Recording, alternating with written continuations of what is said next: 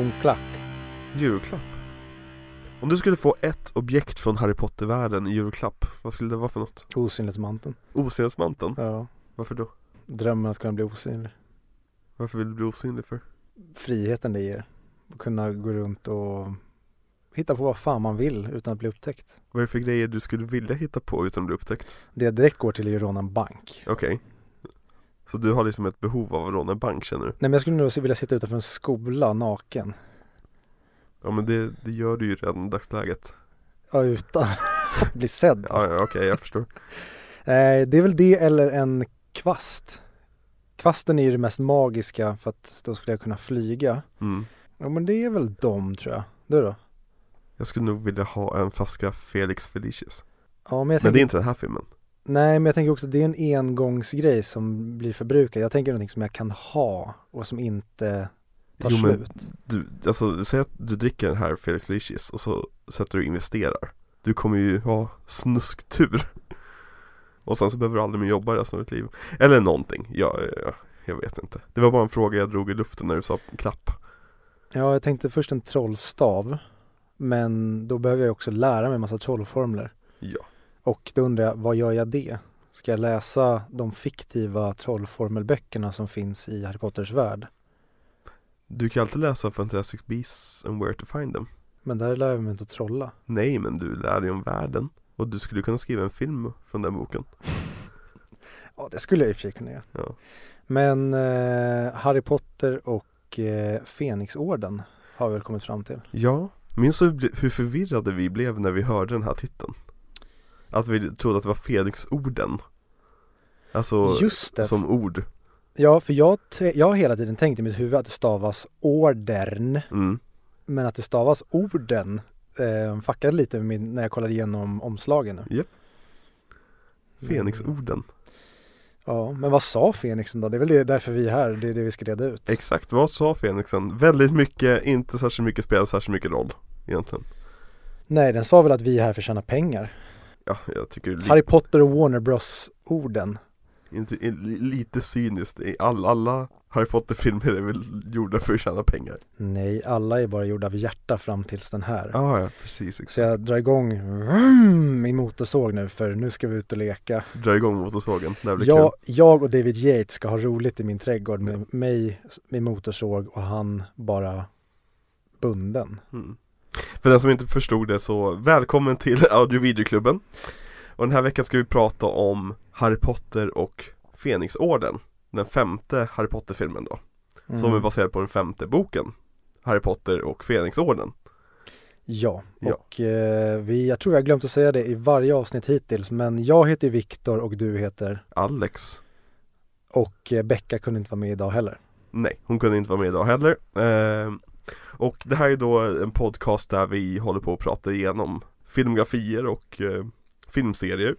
Jag vet inte vart jag skulle komma med det här. Har du någonting att tillägga? Nej men jag skulle nästan vilja använda ett Beybladeskt uttryck och säga let it rip och att vi hoppar rakt in i filmen för att eh, Dra igång! Ja det finns mycket att diskutera här, vi hoppar rakt in i filmen. Ja, för vi har två timmar och tolv minuters eh, fantastisk eh, bioupplevelse. Ja, att och jag, och jag var tvungen att se den två gånger RIP för dig. Let it rip Men eh, den här filmen är regisserad av David Yates. David Yates Mm. Som nu kommer in och gör sin första Harry Potter-film Men det skulle inte bli den sista Harry Potter-filmen för honom Nej, det tycker jag ändå är intressant att vi har haft Chris Columbus, vi har haft eh, Alfonso Cuarón, haft Mike Newell och så får vi in David Yates. Mhm. Ehm, och jag vet inte om det var så för att man inte hann tidigare eh, låta Alfonso Cuarón göra en uppföljare. Samma sak med Mike Newell, att om det hade gått så kanske de hade fått göra en film till. mm. Men som vi förstod i alla fall mellan Harry Potter 2 och 3 så blev det Alfonso Cuarón bland annat för att Chris Columbus inte hade tid att göra trean för att han hade fullt upp med tvåan. Precis Och lite samma sak med Mike Newell fast samtidigt verkar det som att Alfonso Cuarón kände att han bara ville göra trean som en perfekt karriärbooster. mm. Och eh, Mike Newell vet jag faktiskt inte varför han inte fick göra en till men vi kan väl förutsätta att det kanske var för att vi började sätta igång med femman och behövde en ny regissör. Antagligen Men då blir det också intressant sen varför då han David Yates vill göra fyra filmer. Okej, nu, nu, nu spekulerar jag vilt egentligen när det kommer till det här men jag tror att det kan ju varit så att David Yates helt enkelt bara godkände att Men jag kan jobba på, tre filmer samtidigt praktiskt taget. Alltså jag, jag kan springa fram och tillbaka mellan sätten och göra de här filmerna. Att han kände att det är, det är ingen fara för mig. Medan till exempel Mike Newell, att han kanske kände att nej jag orkar bara med en film. Och sen också Chris, Chris Columbus, det var ju anledningen till varför han slutade. För att han liksom kände att men jag har inte tid för någonting annat än Harry Potter. Ehm, för att David Yates har ju som ingenting. Ja nej han har ju ingenting. Som för sig går så att säga eh, i, i sin karriär under den här tiden. Nej, för jag tycker det är väldigt märkligt att han får då fortsätta på Harry Potter-serien när han praktiskt taget kommer från ingenstans. Ja, nej men han har gjort, alltså han är en tv-regissör i, i England. Han hade gjort eh, någon film som heter The Tickborn Claimant 98 Som jag aldrig hört talas om, som ingen någonsin har sett. Eh, Och så får han ta över den största franchisen i världen. Eh, Vilket, kul för honom I guess. Eh, Men han har ju inte direkt förvaltat det här bra kan man väl ändå säga. Ja, det är väl det vi ska ta reda på nu. Ja, för här börjar ju den, den, den sista delen av Harry Potter-franchisen. Ja, det är ju bokstavligt talat del två om man delar upp den i två. Vi har haft fyra Ja. filmer och vi kommer få fyra filmer till. Precis, och vi kommer få fem filmer till efter det Just det, det är den riktiga Harry Potter-serien. Exakt, den som spelar någon roll på riktigt Mm. Ehm, Men, eh, ja, nej Intressant grej, Mm. det är ju att David Close vill jag säga att han heter. Vad fan heter han, manusförfattaren till filmerna? Skitsamma, han heter Cloves i efternamn och det är det jag kommer säga nu. Glenn Close Glenn Close, just det. Efter att hon då hade spelat Cruella Delvi- Delville, Cruella Devil, så fick hon då ta på sig att adaptera J.K. Rowlings böcker till film då. Nej men eh, Cloves har då skrivit Harry Potter 1, 2, 3 och 4. Men av någon anledning så ville han inte ta sig an femman. Och jag läste att tydliga, tydligen så var det på grund av att de frågade honom på fel dag. Och det sa han, han ångrade sig. Hade de frågat honom en vecka eller en månad senare, då hade han tagit sig an det. Ja, Men han kommer ju tillbaka sen och gör sexan, sjuan, åttan. skönt för honom Han- Precis. Och jag skulle vilja säga direkt att det märks för att personen som har skrivit manuset till Harry Potter och eh, The Order of the Phoenix hade tidigare skrivit manus till två filmer. Mhm. Den första skrev han 1997, eller manuset skrevs ju inte då, men det är Contact, alltså Robert Zemeckis film. Okej, Som jag inte har sett. Eh, det är en film som fortfarande ligger på min eh, sparlista för jag vill verkligen, Mm. verkligen se den, men jag vill verkligen, verkligen se den när jag är i rätt mode. mm. Ehm, och den är ju väldigt hyllad, Mm. så att där gjorde han förmodligen någonting bra. Sen skrev inte han en film förrän 2003, då han skrev Peter Pan. Den där otroligt hemska remaken Ja, den ser ju typ ut som sista delen av Harry Potter-franchisen, att Ja. det är väldigt mycket CGI och ja, men eh, Mm. sen då får han ju då 2007 skriva Harry Potter and the Order of the Phoenix. Så det är lite samma sak som David Yates där, du tar in någonting som kanske inte har gjort jättemycket. Skillnaden här mellan till exempel att ta in Colin Trevorrow för Jurassic World Det är det att Colin Trevorrow var het Mm. Han hade precis gjort en indiefilm som folk älskade. De här personerna har ju legat i kylboxen i ett decennium Innan de liksom såhär Åh, nu får ni ta över Harry Potter. Och jag hade förstått om de liksom hade tagit in något så här ungt hett namn för att, ja men fan, fuck it, vi testar. Vi låter David, ja nu heter han, Danny Boyle ta över liksom, eller vad fan som helst liksom. Ja, och jag ska tillägga att eh, författaren till manuset heter Michael Goldenberg. Så är det någon som vet någonting mer om honom eller om han, vad som hände med honom efter det här så, eh, ja, får ni gärna uppdatera för att eh, uppenbarligen så verkar inte de tycka att han gjorde ett speciellt bra jobb utan de kände att snälla Cloves kom tillbaka. Ja, Heter, vad, vad heter han Michael Cloves eller David Cloves? Ehm, Steve Cloves Så att eh, jag var inte ens nära. Men i alla fall, Steve Cloves. Du är inte med i det här arbetet. Så vi skiter i Steve Cloves tills nästa film när han är tillbaka. Okej, vad skulle du säga är den största skillnaden här jämfört med tidigare Harry Potter-franchisen? Eh, jag skulle vilja säga att den, den, absolut största skillnaden visuellt, det är ju att eh, Harry Potter and the Order of the Phoenix står för ett av de sämsta CGI-arbetena i filmhistorien. Och vi kommer komma till det när vi går igenom den här. Det finns såklart sämre exempel. Men... Vad va, hårt du går åt den här filmen ändå, jag, jag, jag är taggad. Va, berätta, vad är den, det sämsta CGI-ögonblicket? Eh, det jag bara droppar här och nu, det är ju Grop. Ja ah, okej, okej, okej, okej, jag förstår, jag förstår exakt vad du menar nu Ja, och okay. det kommer komma fler sådana tillfällen i den här filmen eh, Men det är framförallt att man har övergett det praktiska och bygga riktiga sets och försöka göra saker eh, då som vi då har verkligen runkat åt hittills Det är ju att man, man gör praktiska saker som känns levande och som man kan ta på så att den här magiska världen känns ändå förankrad i vår värld. Mm. Det överger man tycker jag i princip helt och hållet från och med den här. Jag tycker att det är värst i den här men det är verkligen här den sjukan eh, de, de börjar stenhårt med den, sen backar de lite tycker jag de kommande filmerna och lär sig hantera det bättre och det är väl kanske att David Yates blir varm i kläderna sen. Men det är även, framförallt är det CGI-arbetet i den här, men jag skulle även säga Oj shit, jag skulle kunna ta fram motorsågen överallt. Eh, tempot, alltså hur man lägger tempot i en film och hur du skapar en film snarare än presenterar events i en bok. Mm. Eh, men även eh, regiarbetet när det kommer till den humorn som Mike Newell etablerade, den här tonåriga awkward kärleksgrejen. Den tycker jag inte David Yates kan regissera för fem jävla öre. Han tar det som Mike Newell gör med väldigt skön fingertoppskänsla och eh, vrider upp det så att det känns väldigt, väldigt, väldigt cringe nio av tio gånger i den här filmen. Mm. Det är typ det. Har du någon? Ja, jag skulle säga att den största skillnaden i ja, från de fyra första jämfört med de fyra sista eh, är i struktur och tempo, så som du sa. Att det känns som att de första fyra Harry Potter-filmerna har väldigt tajta berättelser ändå. Att allting leder in i varandra. Vi har scen A som leder in i scen B som leder in i scen C och så vidare. Men här så börjar vi komma till en berättarstruktur där de måste bara få in så mycket som möjligt från böckerna, känns det som.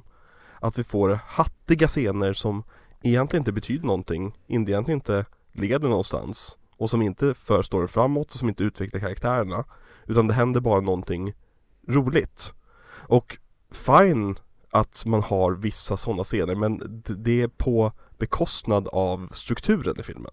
Vilket gör så att filmerna känns så mycket längre först och främst, även fast de inte är längre. Det här är väl den kortaste Harry Potter-filmen?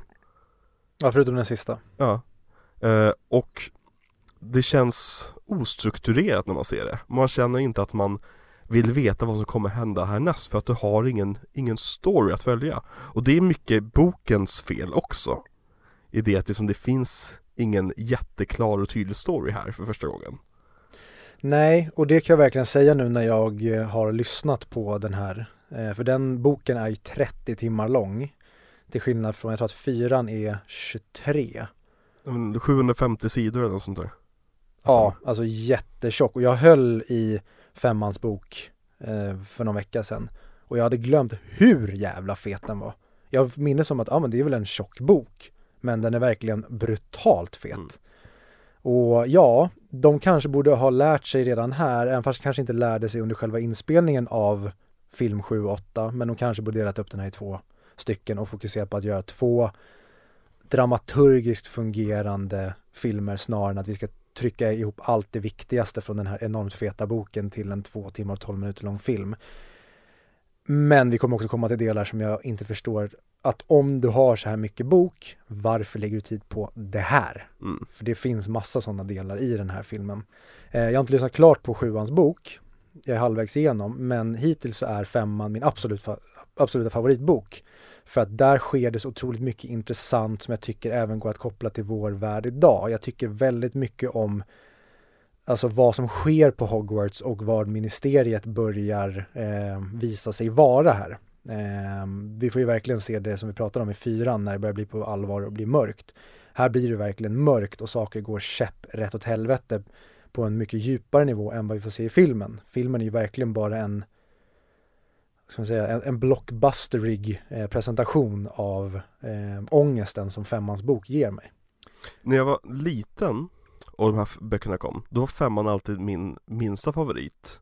Men det är nog för att när man är yngre och inte har en särskilt utvecklad liksom, mediasmak då blir man provocerad när det händer saker som man inte tycker om. Mm. Men desto äldre man blir och desto mer media man konsumerar och desto fler stories du konsumerar så lämnar du det här att, ja men jag tyckte inte om vad den här personen gjorde. Du lämnar det bakom dig och liksom, ja men blev det en intressant story av det.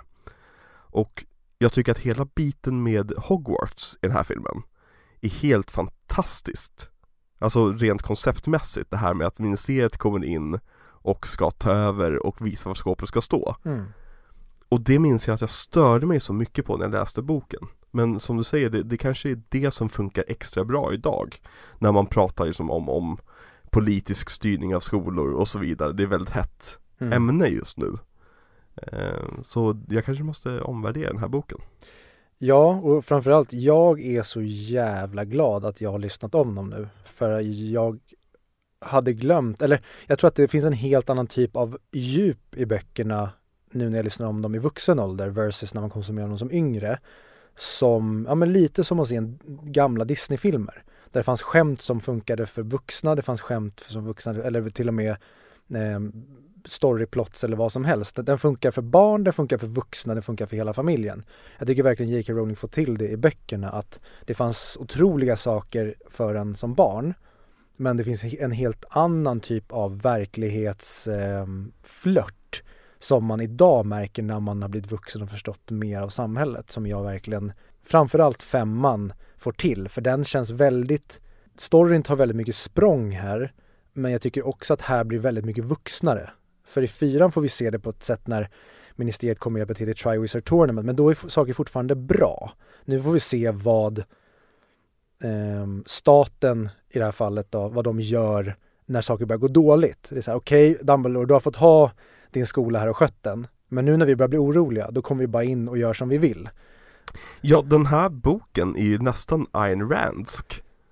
Alltså i det att den, den skulle kunna läsas ur ett libertariant perspektiv som en kritik mot mot regeringsmakt och liksom om att de här människorna som är bättre än alla andra behöver ett ställe att växa på och så vidare. Det är väldigt, det är nästan Atlas Shrugged om du har läst den. Nej. Är du bekant? Nej. Men du vet A- Ayn Rand är? Ja. Nej. ja. Det har jag aldrig tänkt på faktiskt. Vem vet, om, om 50 år kanske J.K. Rowling har blivit så här en superhögerprofil.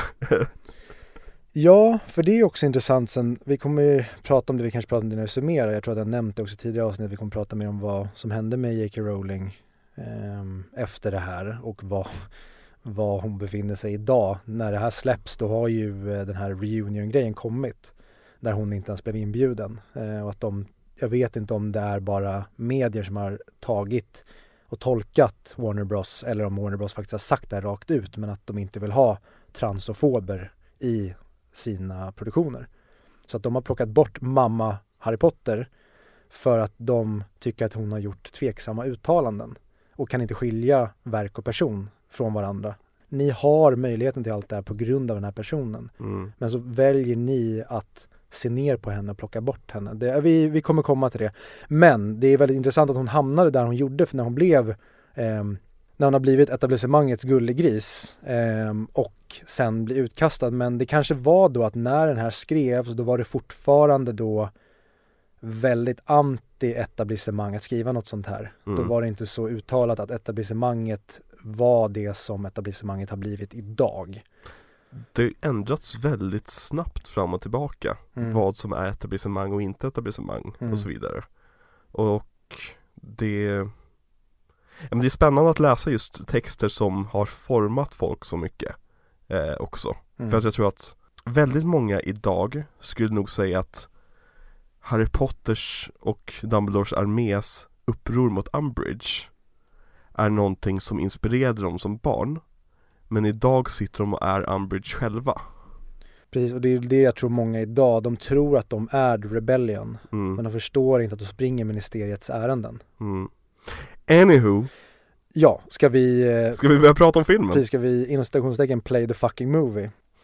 Eh, filmen öppnar ju med en ännu mörkare logga än förra gången Det, det är ju mm, klassisk grej nu med Harry Potter att det blir bara mörkare och mörkare eh, Och Harry blir mobbad av Dudley och sina kompisar Ja, det, och vi får veta att det är en, en väldigt varm dag. Säga, I boken så är det väldigt mycket om att det är varmt Precis, och jag tycker att filmen verkligen förskönar eh, Harrys eh, Filmen tar väldigt mycket Harry i försvar här. Mhm. För att i den här boken är Harry arg. Ja, Han är jävligt otrevlig och börjar bete sig ja, men som en förvirrad och arg tonåring. mm. Och ska man liksom försvara Dudley här så är det inte han som håller på och provocerar Harry på samma sätt. I boken så är det mycket mer att Harry provocerar Dudley och okej försöker liksom få honom för att han vet att Dudley kan inte göra någonting för han vet att jag kan trolla. mm.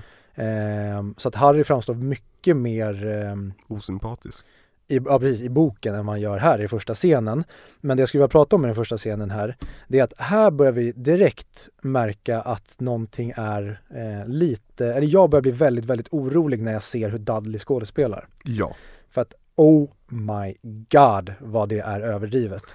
Jag minns när man satt i biosalongen och han kollar rakt in i kameran och säger de här sakerna Så otrovärdigt och man säger "Uh, vad vad händer här? Det här är, jag, det känns off det här. Mm. eh, Och den här filmen utvecklar ju också en sak som jag inte riktigt tycker om med de senare Harry Potter-filmerna. Det är det att de springer runt i sina vanliga kläder hela tiden. I den här scenen är det ing- inget problem för nu är de i riktiga världen. Men i de första två Harry Potter-filmerna hade de på sig sina dräkter hela tiden känns det som. Mm. Trean startade ju att de skulle ha på sig sina privata kläder ibland och sen så blev det bara liksom värre och värre. Eh, Men det är ett stickspår. Men eh, dementorerna kommer och eh, försöker skada Harry. Eh, Och eh, Harry skyddar sig och Dudley med en Patronus. Japp. Och här får vi faktiskt se Patronusen som en, vad är det han har? En kronhjort. Ja, a stag. Ja, för det har de ändrat igen. Tillbaka till att det var det. För minns du trean att man fick se det som en kronhjort Och sen fick man inte se det som en kronhjort Och nu får man se det som en kronhjort igen Ja, och det får vi också lära oss i böckerna tydligen. Det, det har ingenting med den här typen av grej att göra, men i böckerna så kan tydligen ens patronus byta skepnad beroende på typ hur man mår. Mhm. För det gör ju Tonks patronus när de tror att hon är eh, kär i eh, Sirius när han har dött. Exakt Så byter den skepnad, men man förstår att hon är olyckligt kär i Remus Ja, sen. dit kommer vi Dit kommer vi. eh, Men grannen Mrs Figgs, Mm. Figgs, Fig F- Ja, Figs eller Fig? Jag har skrivit Fig här, vi säger Fig Vi säger Fig. eh, Mrs Fig, som är en del av böckerna och det var mycket teorier om henne innan eh, Dyker upp och visar sig vara en trollkarl också eh, Fast hon är en ynk, vilket är någonting de går in på i den här boken Med ynkar Mm. eh, De tar upp med Filch också Eller Fincher som han heter i vår version av. Precis, som eh, vad, vad var det vi sa om att Mrs Norris hette? To- din Norse Just eh, och eh, återigen, jag kommer komma tillbaka till det här, men här har vi återigen dålig CGI på dementorerna som jag tycker är sämre mm. än i Harry Potter 3. Jo men i Harry Potter 3 så är de alltid i dunkel och då, det är alltid som Quaron vet om att CGI inte håller Så han tar vinklar på dem och så vidare Men här i, i den här filmen så är det bara, ja men fuck vi, gör, vi kan göra CGI-dementorer Mm. Full frontal liksom. Ja, och det är också återigen synd här att det berättade du att de tydligen har spelat in dementorerna i trean fysiskt men att det inte såg snyggt ut. Här ser det bara ut som CGI-slime. Det ser inte ens ut som att det är eh, hoods längre. För Nej. nu ser det nästan ut som bara dödskallar med någon slags eh, lager på sig. Exakt eh, Gud jag blir utmattad av att prata om, om den här filmen Ja, och vi, och vi börjar liksom direkt nu, vi, och vi, vi, vi börjar väldigt mörkt här och det är väl kanske deras försvar då att vi Ja. måste ha lite glatt när det är så mörkt. Mm. Men jag hatar bara direkt hur eh, Mrs Figg ser helt jätteförlöjligad ut. Ja Alltså hon går i någon så transparent regndräkt och, Oh come on Harry och att hon ska vara överdriven och så har du Dudley som ser ut som, ja men han är super, eh, mm. ja, åh, åh, Potter Varför kan man inte bara spela den här början väldigt, väldigt allvarligt Mm. rakt igenom? Det hade funkat så bra och Dudley hade varit, alltså tänk bara han hade kunnat, han kunde leverera precis samma repliker, man kan köra exakt som de gjorde. Men snälla, var allvarliga, tona ner saker. Mm. Men Harry blir redigerad på grund av den patronsen eh, Och eh, blir upplockad av Fenixorden helt enkelt eh, Som tar med honom hem till eh, Grimwald Place heter det väl? Eh, ja, jag tror bara gr Grimmald. Grimwald Ja, jag tror bara att det är att de har lagt till i ett på svenska, att det blir Grimaldi-plan, att det heter Grimald Place. ja. Eh, Som i alla fall eh, Sirius Blacks eh, barndomshem Där han har växt upp med sin eh, rassefamilj När Harry kommer dit så har de lite hemliga möten som Harry inte får gå på Han eh, träffar husalfen Creature ja, och jag vill bara lägga till en sak hur de färdas till Grimald Place. Mhm. Att det har varit väldigt mycket snack om att eh, vi ska inte synas, det blev ett jävla liv när Ron flög bilen i tvåan. Ja just det, De flyger kvastar genom Themsen, alltså förbi Big Ben och liksom Varför kan man inte ta, eh, när det här inte ens sker i boken, hur gör de det i varför, boken? jag tror att de bara deseparatar. Ja, eller hur? Ja. De bara dyker upp framför huset Ja, jag minns ingenting om kvastar. mm. Eh, så det är också en sån här grej att Okej, nu har vi den här feta boken, varför göra det här som får oss när vi tänker på eh, trollkarlslogik? Varför ska vi ens börja fundera på Mm. att det här kan ställa till problem? Definitivt Men äh, när, när man pratar om huset och upptäcka och så vidare Jag gillar magin bakom att huset finns där mellan två hus Men det är bara det att mugglarna inte lägger märke till det Om de inte vet att det finns där Ja, och därför kan jag störa mig på hur det kommer fram i den här, mm. när det trycks in mellan och att det skakar i mugglarnas hus. Ja, Det hade varit mycket bättre då om vi bara filmar in och det, de bara fortsätter som vanligt. Att precis det bara uppstår, det skakar i Grimald Place 12 i så fall, Mm. men 11 och 13 är helt orörda. Precis För då, då får återigen mig att börja fundera på att har de satt en spell på de här då, att Mm. de inte märker att det skakar? För då hade jag tyckt i så fall att det var bättre om de tittar upp och undrar varför skakar det? mm. Alltså välj en väg där, Mm. låt det inte skaka med att mugglarna bara är helt oblivious. Men du som, du som har läst böckerna och är lite mer insatt på det här nu Varför väljer Black-familjen att bo mitt bland mugglare? De som hatar mugglare så mycket? Nämns inte. Okej, Jag tror inte ens det här är ett problem J.K. Rowling har tänkt på. okej Ehm, För det finns ju uppenbarligen trollkarlsbyar och trollkarlsstäder Mm. Som vi får se i alla fall i sjuan Ja, för till exempel Godric's Hollow, Ja. där lever mugglare och trollkarlar ihop. Jaha, Eh, nämner de i sjuan. okej Eh, och det makes ju sense i och med att det är Godric Gryffindors Ja. liksom, hemvist. Att ja, det är där om någonstans man väljer att leva tillsammans. mm.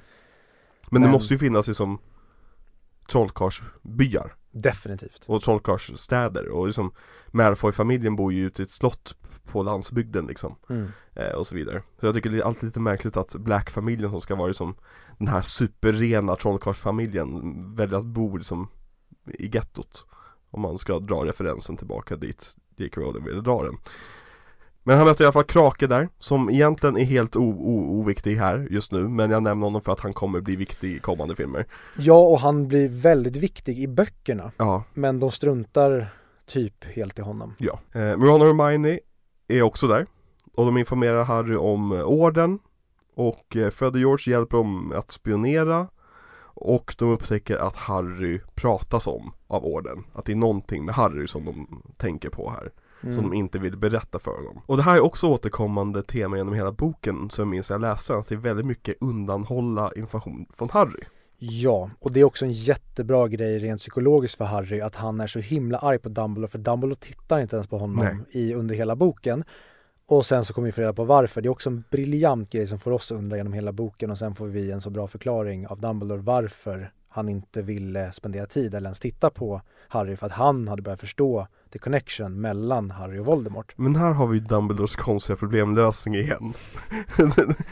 det är liksom, jag vet inte om jag köper Dumbledores förklaring i slutändan. Jag, försö- jag köper förklaringen så som den är sagd, men allting känns bara som om de bara hade kunnat förklara det här för Harry. Ja, och det är väl en, också en diskussion som pågår hela tiden att Harry vill ju veta men de tycker inte att han är tillräckligt eh, vuxen för att få veta. Mm. Och det är väl det också samtidigt som ministeriet här nekar till att Voldemort är tillbaka Mm. så håller ju ändå Fenixorden på med en lite liknande grej mot Harry genom att inte ge honom hela sanningen. De hå- håller fortfarande på att jobba emot det här och försöka stoppa Voldemort Mm. men de anser sig fortfarande välja vad Harry eh, klarar av och inte klarar av. Mm. Lite som ministeriet egentligen i slutändan gör, att de klarar vär- världen av. klarar vanliga medborgare av att veta att Voldemort är tillbaka eller skulle det bli panik? Att de väljer att ta förmynderiet i egna händer. Mm. Och det i slutändan tillsammans med många andra grejer, den här till exempel hur Harry agerar, kommer ju visa sig ha större kostnader än att det var värt det. Ja. Ministeriet har ju förnekat att Voldemort är tillbaka. Ja. Och eh, Fudge eh, försöker smutskasta Dumbledore och Harry. ja. Eh, och eh, Voldemort är ute efter någonting som han inte hade förra gången. Ska vi gå in på, vi kan, vi kan gå in på det sen när vi, när vi kommer till profetian. Mm. Eh, för att du måste förklara en hel del här för mig känner jag. Och även fast jag nu har lyssnat på böckerna så tycker jag fortfarande att det är saker, det, dels för att det är mycket information så att jag har bara lyssnat på dem och nu spelar vi in. Så det är inte så att jag har suttit antecknat, jag kommer säkert säga en massa fel. Utan jag kommer ju bara dra allting utifrån vad jag minns nu när jag har lyssnat om böckerna. Men ja, det är mycket, många grejer som ska redas ut. Ja, för att this doesn't make any sense by me. Men Harry i alla fall kallad på rättegång till ministeriet. Ja, och eh, ska dra in här återigen mina punkter som när det har med CGI att göra. Alltså, att bara ha med en sån bild när Tonks gör sitt ansikte till en anka som ser, dels är det jättetöntigt och dels så är det skitful CGI. Men det som, en grej som jag verkligen stör mig på det är det här örat som de sänker ner ehm, för att lyssna på Fenixordens möte. Vad är det för fel med att ha ett buttricksöra? Ett Ja. buttricksöra hade funkat klockrent istället för att göra ett fult jävla ryckande CGI-öra som jag inte köper för fem öre. Och det är här det börjar skava rejält för mig när, och mitt problem med modern CGI, Mm. där jag önskar att gör så mycket ni kan praktiskt och sen fyller ni på med CGI. Gör inte allt ni kan CGI och fyll på med det som ni måste göra praktiskt. Men för att det där med örat, nu säger du, jag brukar inte tänka på det när jag ser den här filmen, men är inte hela miljön där CGI när de sänker ner det? Går vi inte in i en, i en, en animerad nedgång av örat? Det är mycket när det är mer så. väldigt in, inzoomat och sen så när vi är nere på undervåningen så är vi i, i riktiga världen igen. Så kan det definitivt vara. Hur som helst. Men eh, Harry och Mr Weasley åker till, till ministeriet för att gå på rättegång. Ja, och här fortsätter ju, det, det är kul med eh, Mr Weasleys fascination för mugglarsaker, Mhm. men i och med att han jobbar med mugglarsaker Ja, och att han är så retarded när han åker rulltrappan. Så här, ja, jag tycker att det finns en kul grej och jag tycker att skådespelaren som spelar Mr Mm. Weasley är fantastisk. Han är en av mina favoritskådisar i hela franchisen. Men hur han står och det, det, återigen, ni ska inte dra till er uppmärksamhet. ja men Mr Weasley-scenerna när han tycker mug- mugglarsaker är roliga är bra i ett vakuum. Mm. För de är roliga scener, Mm. men de, de, it doesn't make any sense. Ministeriet ligger uppenbarligen mitt i London. Har han aldrig gått ut och tagit lite frisk luft? Precis. Har han aldrig liksom behövt, okej, okay, Flu-nätverket är nere ikväll. Under de här 30 åren, så en kväll kanske jag behövde ta tunnelbanan hem. Eller någonting, alltså det finns verkligen han är så separerad från det och jag förstår att nu, nu skriker säkert tusentals nördar att jo men det är ju hela grejen, de, de, de är separerade från varandra, eh, som, och bo, lever på olika sätt så här. Jo, men ni tar upp samma yta Ni kan inte vara separerade om ni tar upp samma yta Det, vi, vi får ju helt enkelt tänka att det går att egentligen göra som med Grimaldi-plan. Det går att ha, vara på samma space, att man som typ ta Hermiones väska i sjuan Mm. eller tältet de använder i fyran och i sjuan. Att det går att göra saker till saker där det inte finns space egentligen. Det går att, eh, vad säger man, expanda utrymme i den här världen. Ja. Och det är så vi får tänka helt enkelt, att det går att göra saker som när du tänker på det logiskt går det inte men det är magi, det är Exakt. argumentet. I wish did it Ja men precis. Men eh, Harrys rättegång, eh, Dumbledore är där som vittne och han kollar inte på Harry som säger Nej, och eh, när de då, jag tycker för övrigt att ministeriet är skithäftigt designat. Ja, med det här Eh, svarta kaklet som ja. är grönt Men överlag är ministeriet jättebra designat Verkligen, eh, klockrent. Och jag tycker att, jag gillar, jag kan tycka att själva det här ministry-loggan och det, det ser lite väl eh, popcorn-designat ut. Eh, Mm. det, ser inte så, det ser inte ut som den världen som Chris Columbus designade. Nej, Nu har vi gått till någonting annat här, det ska bli mer modernt och lite och det, det är väl det jag tycker är lite också en synd grej med vart de är på väg nu i filmerna. För att mm. som vi pratade om i första avsnittet med hur de bara döpt Hogwarts eller vad saker heter. Det är fult, det är töntigt. Mm. Jag tycker att här bör de göra saker lite för snygga, lite för coola. Mm. Det ska ju vara lite muppigt och se lite fjantigt ut. Det är en del, en del av det som är hela charmen med det här. Mm. Nu börjar det bli lite att de Mm. och ska göra saker mer coolt. Det känns mer som att nu börjar vi gå mer åt sälja leksaker. Det ska bli mer heroes Mm. snarare än att hjältarna finns inom dem. Det kan vara en kille med rufsigt hår, glasögon och ett ärr i pannan. Han kan vara hjälten. Vi börjar gå bort ifrån det. Nu ska det bli lite mer coola hjältar och saker ska bli lite mer snyggt. Ja. Umbridge eh, introduceras och eh, gör sina irriterande små skratt. Eh, och eh, ministeriet försöker fuska igenom rättegången genom att eh, tidigare lägga den och de, eh, ja, vill egentligen inte ha någon vittnen och så vidare. Men till slut så säger Dumbledore liksom att vad håller ni på med? Ni kan inte fälla Harry för det här. Och eh, alla håller med praktiskt taget. Ja, och visst kommer Kingsley in i i hissen va, innan. Det är han som informerar om att de har bytt. Precis, exakt. Och hela den scenen också återigen jättedåligt regisserat hur det blir som en komisk grej. Allting ser väldigt ut som att man hela tiden det känns som alla hissen vill hålla sig för skratt. Mm. För att det känns inte som att de tar det här på allvar. Och samma sak när, när Kingsley viskar till eh, Arthur att de har flyttat det.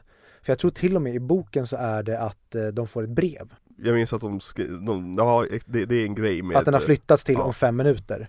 yes. Eh, och de direkt börjar tjafsa med honom det när han kommer in i rättegången. Men här, om vi då ja, hamnar i rättegången, som du säger, alltså Umbridge tycker jag är, redan nu kan jag säga, jag tycker hon är den överlägset bästa delen i den här filmen. Ja. Hon är perfekt porträtterad, hon är klockren från böckerna, eh, sen kan man tycka att hon kanske ska gå ännu mer ont, alltså bli ännu mer ondska, men jag tycker inte att det behövs för att, nej, hon, hon är perfekt och jag tycker om verkligen hennes introduktioner med hennes små avbrytande fniss, hickningar. Men här är en av de grejerna som jag också stör mig så mycket på, det är hur Cornelius Fudge är. Hur han säger, ehm, det så He's not back! Ja precis att, men vänta, tror du någon som sitter runt omkring här köper dig när du håller på och är så här? Mm. Att du bara gör som en trotsig fjant och sen när vi kommer få den payoffen som jag får ont i huvudet på bara jag tänker i slutet när han kommer i pyjamas. ut- He's back! Ja. Er, och det är det enda jag kan hitta som försvar.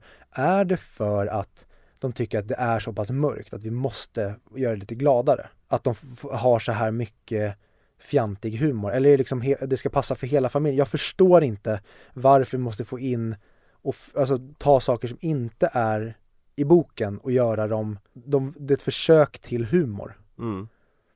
Jag tror nog att det ligger mycket i det, att de försökte brighta upp den här filmen lite grann För den är ju rätt mörk ändå Ja, och, men det hade varit så jäkla coolt tycker jag, om då som Cornelius Fudge replik, istället för att han ställer sig upp och ser ut som han trycker en korv och bara He's not back! Att han bara helt lugnt och nonchalant som att Dumbledore i en tokstolle bara sagt så här Dumbledore, he's not back. Alltså nästan att försöka få Ja. honom, alltså förlöjliga honom genom att vara dryg och typ nonchalant. Ja. Snarare att ge sån himla kraft bakom det. mm. För att här håller ju Harry Potter på att bli, serien alltså Håller ju på att ha en konversation med sig själv nästan I det att det har blivit ett fenomen med Harry Potter På ett annat sätt än vad det kanske var när ettan och tvåan gjordes, när de bara försökte som Nu ska vi bara adoptera de här två böckerna. Och trean är uppföljning till det att, ja men okej, det gick bra med de här två första adoptionerna, nu gör vi en, eh, nästa, nästa del av, av boken liksom. Och fyran har så jävla mycket att, att hantera med, med alla, alla, alla liksom actionsekvenser. Här så är det nog första gången som Harry Potter liksom måste reckon med det fenomen som de själva gjorde och försöka kanske hitta en, en unified känsla i allting och jag tror att känslan de försökt landa i är just att det här fantastiska Men med fantastiska så är det väldigt lätt att gå in i camp Mm. och väldigt lätt att gå in i Förklara camp för de som inte vet. Camp är väldigt svårförklarat men egentligen, alltså camp är Vad ska man säga, glättigt och lite glimten i ögat Mm. Batman från 60-talet är ju urexemplet på camp Att det är inte gjort att vara seriöst När, när det kommer fram BLAU! När han slår till någon, det, det är inte Det var inte att de gjorde någonting dåligt på 60-talet utan det var att de gjorde någonting medvetet camp Mm. liksom.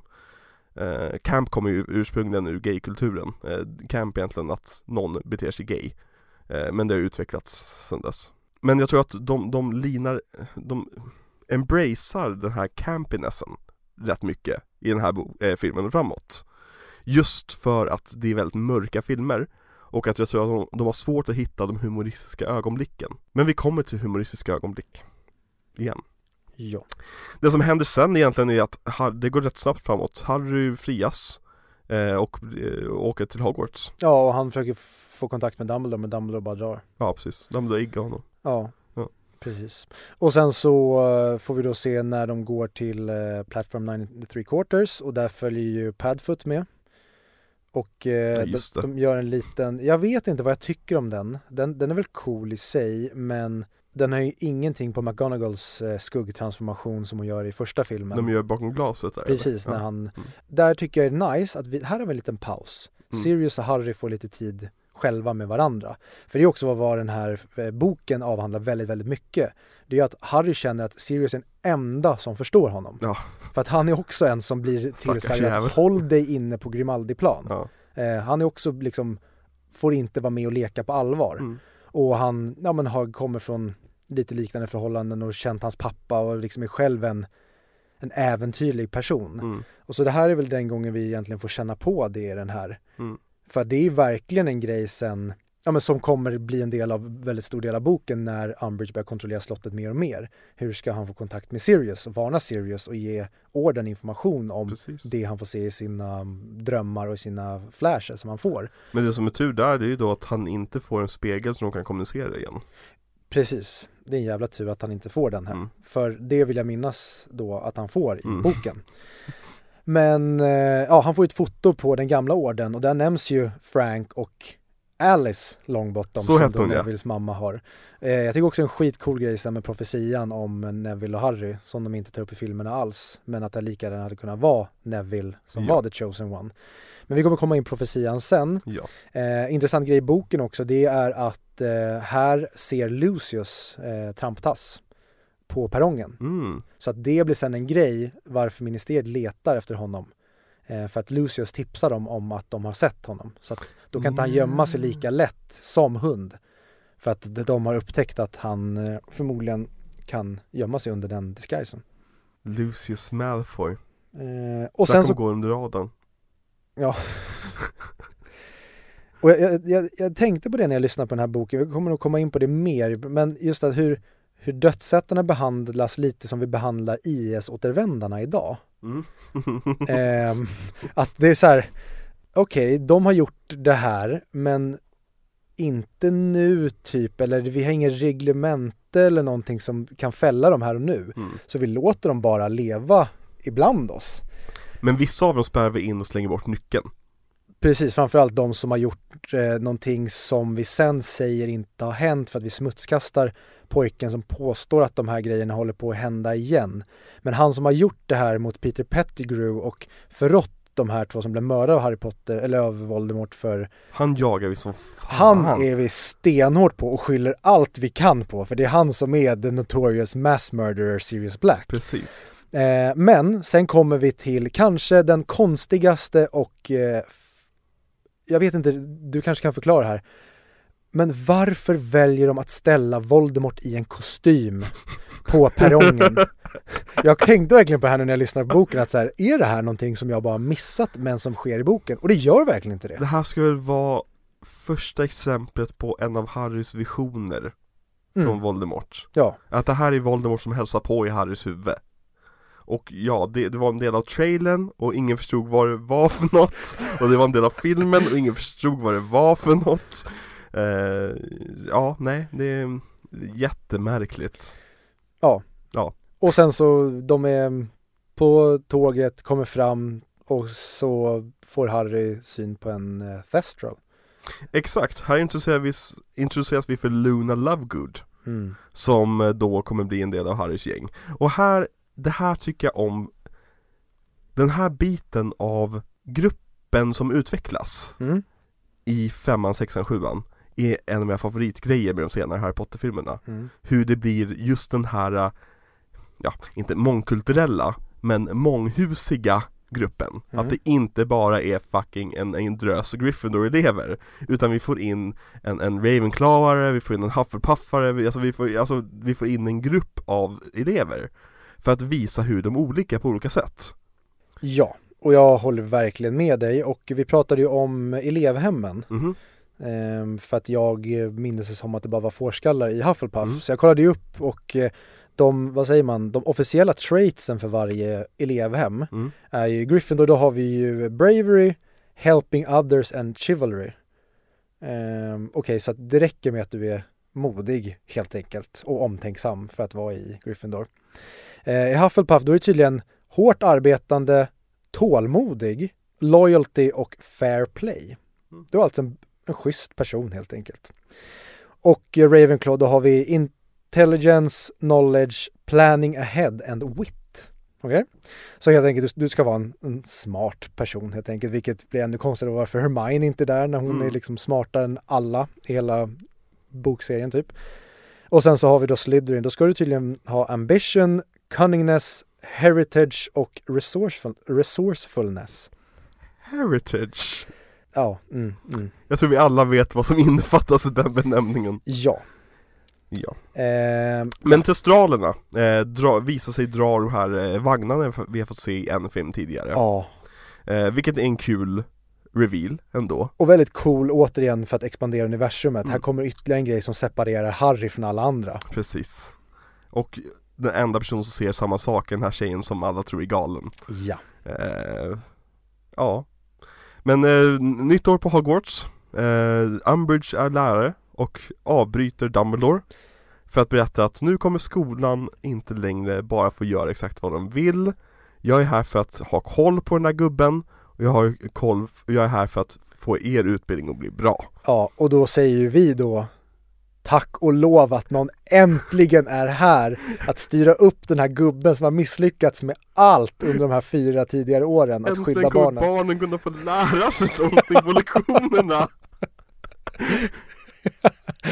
Äntligen slipper de riskera att bli av med en hand när de ska ha som en lektion i eh, trolldom liksom. Ja, Ehm, nej men hon, hon hotar i alla, fall alla elever praktiskt taget säger som att nu jag är här för att bestämma, ministeriet håller koll på er. Ja och Hermione säger på sitt ehm, återkommande väldigt överdrivna och väldigt ta-iande skådespelande sätt. Det betyder att saker kommer att förändras på Hogwarts. Ja. Typ så. Mm, Ja. Och här börjar det lite grann som du har hintat åt tidigare att du tycker om Att saker och ting börjar vända sig mot Harry Mm. För Seamus mamma har ju kollat på Fox News till exempel Ja. och, och eh, tycker inte att Harry verkar vara en vettig pöjk Nej men, nej hon har, ju, hon har ju kollat på SVT. På SVT För det är SVT som pumpar ut att Harry är en idiot. Ja men Fox News är en b- bättre allmän liknelse som alla kommer förstå All right. Och jag tror att om vi skulle säga hon har kollat på SVT, då kommer folk t- tänka instinktivt Vadå, har hon kollat på sanningen? Men ja, som du säger, nu börjar, eh, nu har eh, Harry Potter-runkandet tagit slut och nu börjar verkligen två läger bildas. I de som tror på Harry och de som tror att Harry är en eh, kändis och framgångssökande lögnare. Mm. Och det tycker jag verkligen, verkligen, verkligen om. Och det utvecklas ju mycket mer i boken I Ja. filmen är bokstavligen en scen med Seamus Typ Ja, för att i boken då kommer vi till och med, alltså då Rita Skeeter har en jättestor roll igen här. Inte jättestor att hon är med mycket, men hon har jättestor roll i, för att Hermione hotar henne sen att skriva en artikel om Harry och hans sanning i då The Quibbler i Mm. Luna Lovegoods pappas eh, tidning. Eh, som sen är så jäkla nice för att den förbjuder ju Umbridge. Och så blir det Barbara Streisand-effekten, att varför hon förbjudit The Quibbler? Och då börjar alla läsa den och det gör att Harry får jättespridning. mm. Vilket är en jäkligt kul och återigen verklighetsförankrad grej. Ja. Eh, men Harry har visioner om Voldemort eh, och att eh, det finns en dörr som Voldemort vill öppna. Det här blir väldigt, för de utvecklar ju eh, eh, ministeriet och det mycket mer i boken Mm. och där får man se till och med att det finns en avdelning som heter då eh, Mysteriedepartementet. Precis, och att Harry tänker på ja, vad som finns där och ja, men det blir mycket mer utvecklat. Eh, här drar inte ens jag en tanke på att okej, eh, interiören i Harrys dröm är densamma som där han var på ministeriet. Så, alltså där han ser Fudge och Lucius då. Ja. Den drar jag inte för fem öre. Förutom att jag vet om att det är en grej i boken, att det är så han kommer på det sen. Att vänta, jag har ju varit där förut. Mm. Så att han förstår vart den platsen är. Men jag tycker det är väldigt otydligt berättat i filmen här. Och då kan han säga, ja men du klagar ju på att allt var övertydligt. Jo, men balans. Ja. Vi kan inte ha saker som är superöverförklarande och sen har vi saker som ingen fattar alls. För här börjar vi i filmen gå in på ett väldigt farligt territorium Och det är just territoriumet, men alla har ju ändå läst böckerna Ja, verkligen. Den sjukan är ju monumental härifrån och framåt. Ja, eh, den blir ju som värst i sjuan skulle jag säga eh, Men vi, vi, vi kommer dit Ja. Eh, För att här bör man, bör man som lägga in saker som måste förklaras. Som det här med att Harry inser att de är på ministeriet. Det sägs inte i filmen, praktiskt taget. Det är liksom, det ska man bara greppa. Och hela det här med profetian som vi kommer komma in på. Ska vi ta profetian direkt? Nej vi tar inte profetian nu, jag orkar inte. Eh, Men, men Umbridge är i alla fall där på skolan och vill att barnen ska få sig en anständig utbildning eh, Och eh, hon har tagit över rollen som Defense Against Dark Arts Och hon har den radikala idén om att de ska läsa böcker om det här ämnet Och Hermione säger Va? Måste vi läsa böcker? Och jag känner Va? Är du Hermione? Som alla Defense Against the Dark Arts teachers i de här filmerna får de en lektion där de introduceras och vi får veta vad det är vi kommer få se på deras lektioner nu. Ja, Men det här övergår ju, eh, de, de avhandlar ju lite, vad säger man, det, säsongens snack i alla Defense Against the Dark Arts Teachers Mm. presentation. Precis som med Moody då går vi igenom de oförlåtliga förbannelserna precis och här berättar ju hon då vad som kommer ske och Och Harry börjar käfta ja, och de säger varför kommer vi inte få lära oss att göra någonting på riktigt och säger men vad ska ni göra, det är väl ingenting som vi skadar och säger eh, jag vet inte, kanske Lord Voldemort och det är här Harry och Umbridge eh, eviga kamp börjar Ja, som är helt fantastisk i boken. Mm. För att det här är också någonting som jag tycker verkligen är viktigt med Harry Potter-böckerna som jag tror framförallt barn idag behöver lära sig. Det är ju att det kommer att svida att hålla dig till sanningen. Att Ja. inte vika dig för det du tror på. För det är precis vad Harry får utstå i den här boken. Det är att han backar inte en tum. Han är övertygad om att så här är det och jag kommer inte ljuga för eran jävla skull. Jag kommer köra min propaganda om Mm. ni nu påstår att det är det och jag kommer ta skiten som kommer till mig. mm.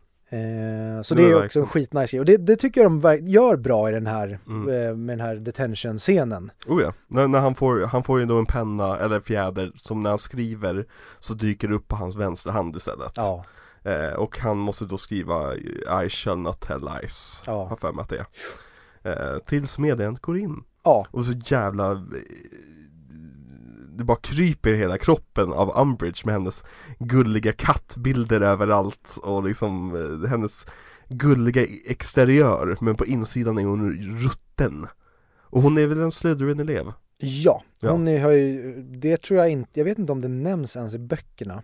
Men eh, det såg jag på en chart när jag kollade då och skulle kolla upp vad elevhemmen stod för. Mm. Då såg jag vilka som hade varit olika elevhem hon har, hon har varit i Slytherin. Men det förklaras väl kanske i sjuan? När hon, hon vill ha, hon har ju Slytherin-medaljongen Det kanske Jag gör. tänker att det fanns någonting förklarande där kanske Eh, Ja, jag Eller så är det en sån här Pot-. Pottermore-sak som J.K. Rowling har berättat i efterhand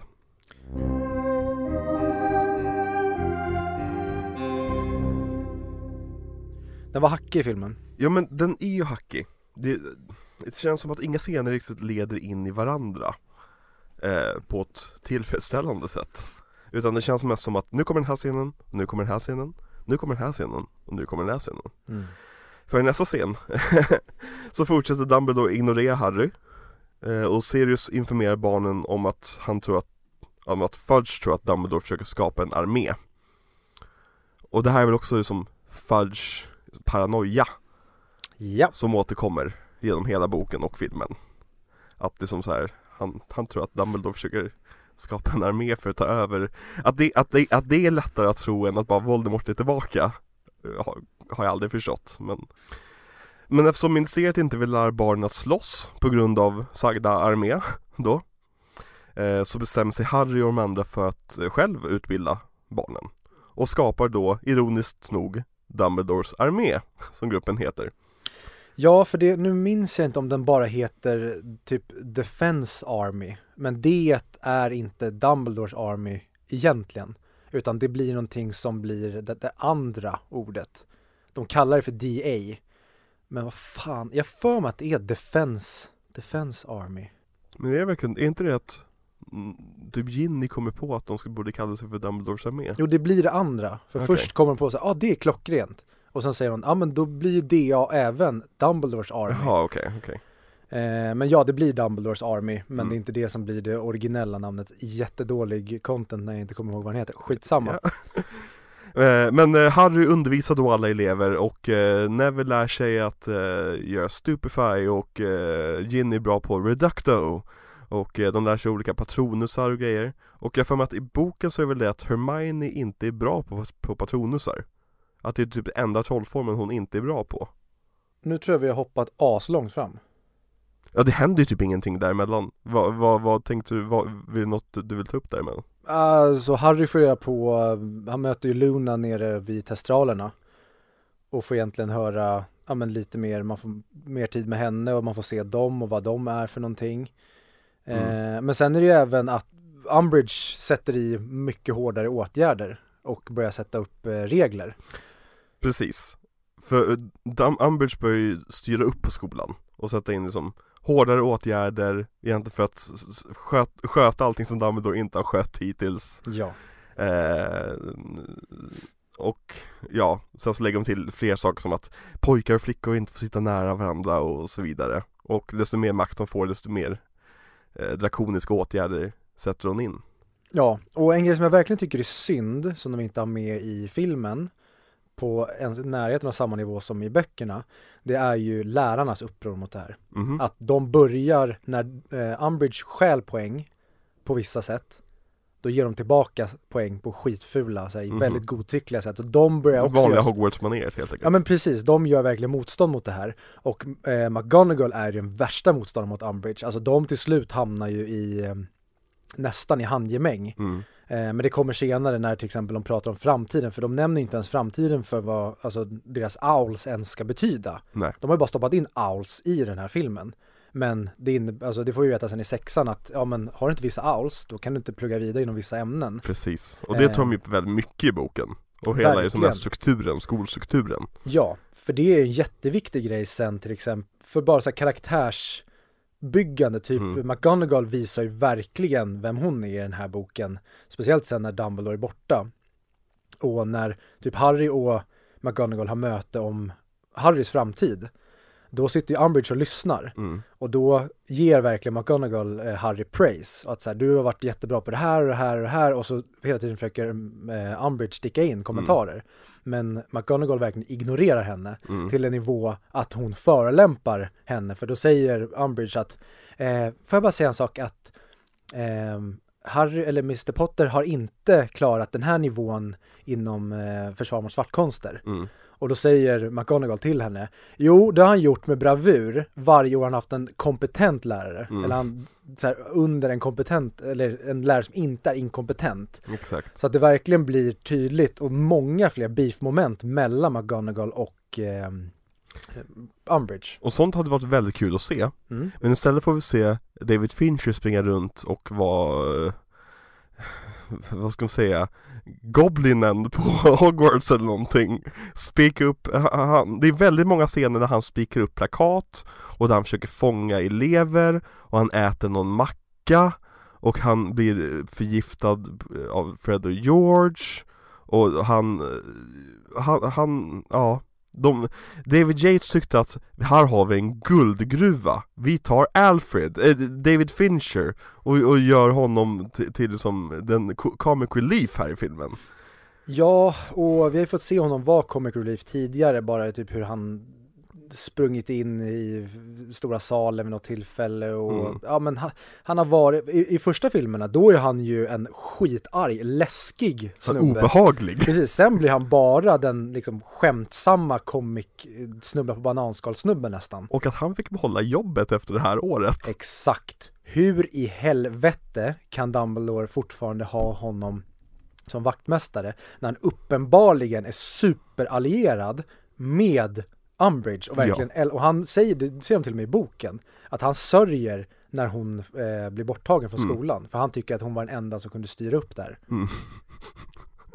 Ja Eh, men Harry fortsätter att undervisa eleverna medans eh, Umbridge försöker ta till fler åtgärder för att hitta dem helt enkelt. Hon rekryterar Malfoy och hans kompisar eh, för att bli någon slags prefektpatrull eh, och så vidare. Ja, och de får ju till och med eh, befogenhet att ta poäng. Ja, Så att, och en jävligt, eh, och det här är verkligen en grej så här, jag förstår helt och hållet varför det inte är med i filmen, men en kul detalj det är ju att Hermione och- Ron blir ju prefekter i den här. exakt. Eh, och det är också en grej som bara för att Harry känner sig arg. Precis, för de två fick pre- prefect badges. Precis, Ja. och sen får ju han reda på att till exempel eh, Remus blev ju prefekt för att då kanske han skulle ha lite mer koll på Sirius och James. Och det är lite samma sak här. Eh, men Dumbledore säger även sen att han tyckte att han hade tillräckligt att stå i. Mm. Eh, Ja, Men det är till exempel en, en detalj som inte är med och inte behövs i eh, filmerna. Men en grej också som Umbridge gör när hon till exempel förbjuder sällskap, mm. eh, det är ju att hon nekar till quidditch-spelarna. precis. Och det slutar ju med att eh, efter att Gryffindor besegrar Slytherin Mm. så håller Malfoy på att håna eh, Weasley-familjen. Mm. Eh, så att Fred och George ska sopa på honom, men då håller de tillbaka honom. Tills att Harry, eller tills han börjar prata om Harrys mamma. Då släpper Harry, jag kommer inte ihåg om det är Fred eller George, Mm. och de springer fram och sopar på honom.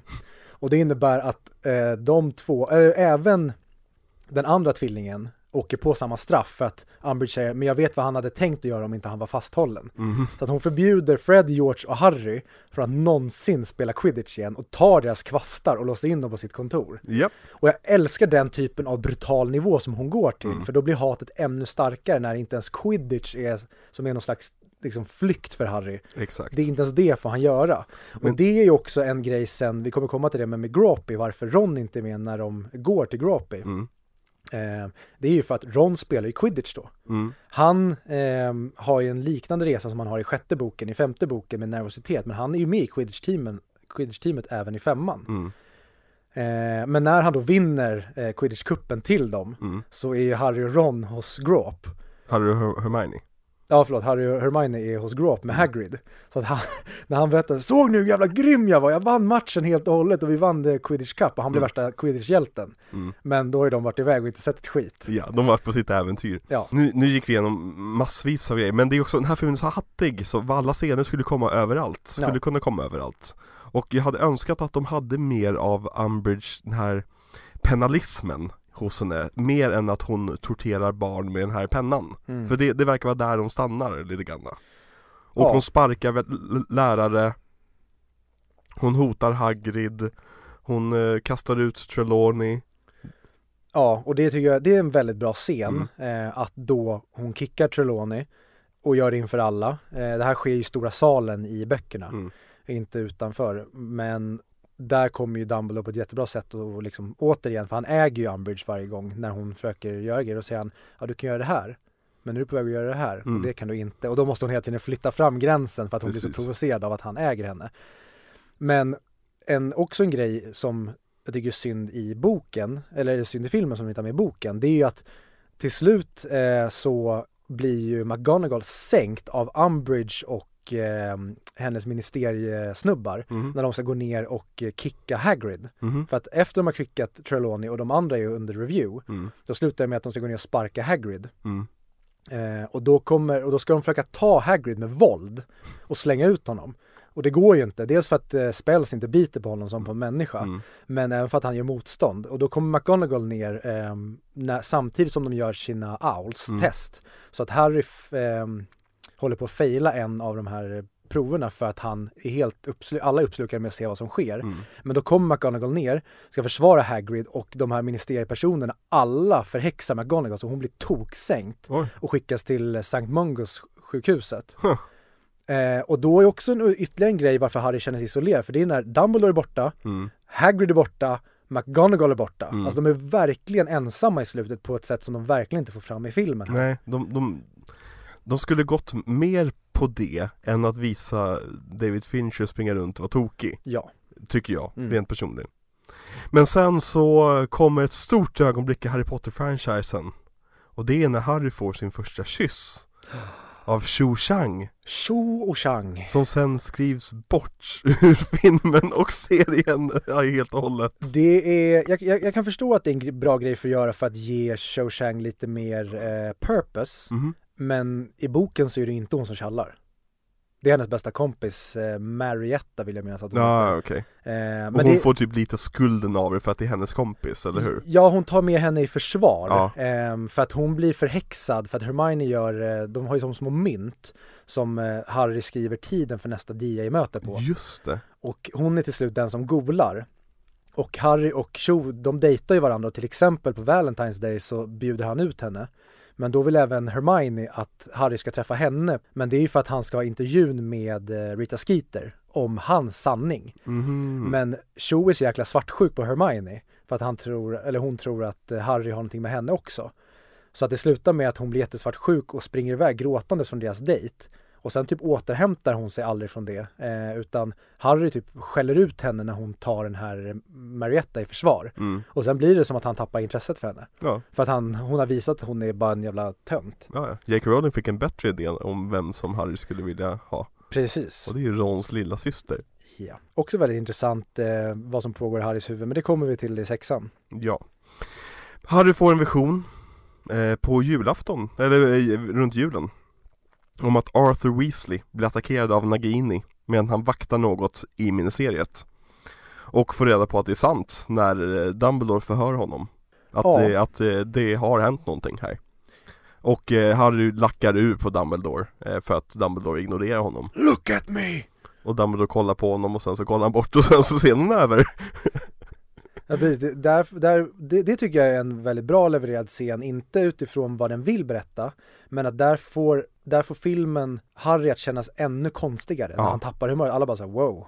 Men också det att alla bara springer förbi honom fram och tillbaka, liksom pratar med alla andra i rummet och liksom, det, det är filmat på ett väldigt kaotiskt sätt där inne, Mm. vilket är väldigt bra.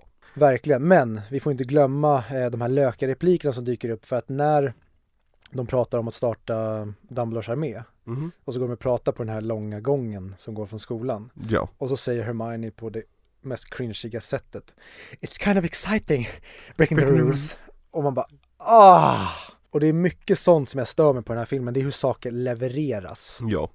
Jo, han är ju sämre karaktärsregissör, kan man väl lätt säga. än alla det. de tidigare regissörerna med liksom by miles. Exakt. Eh, men Dumbledore svarar genom att skicka iväg Harry med Snape. eh, och, och, och Snape kommer ju då lära Harry att kontrollera sin hjärna från attacker från Voldemort. Mm. För Voldemort försöker penetrera Harrys hjärna. Och det är väl två scener med det här egentligen. Det är en scen nu och sen så en scen sen.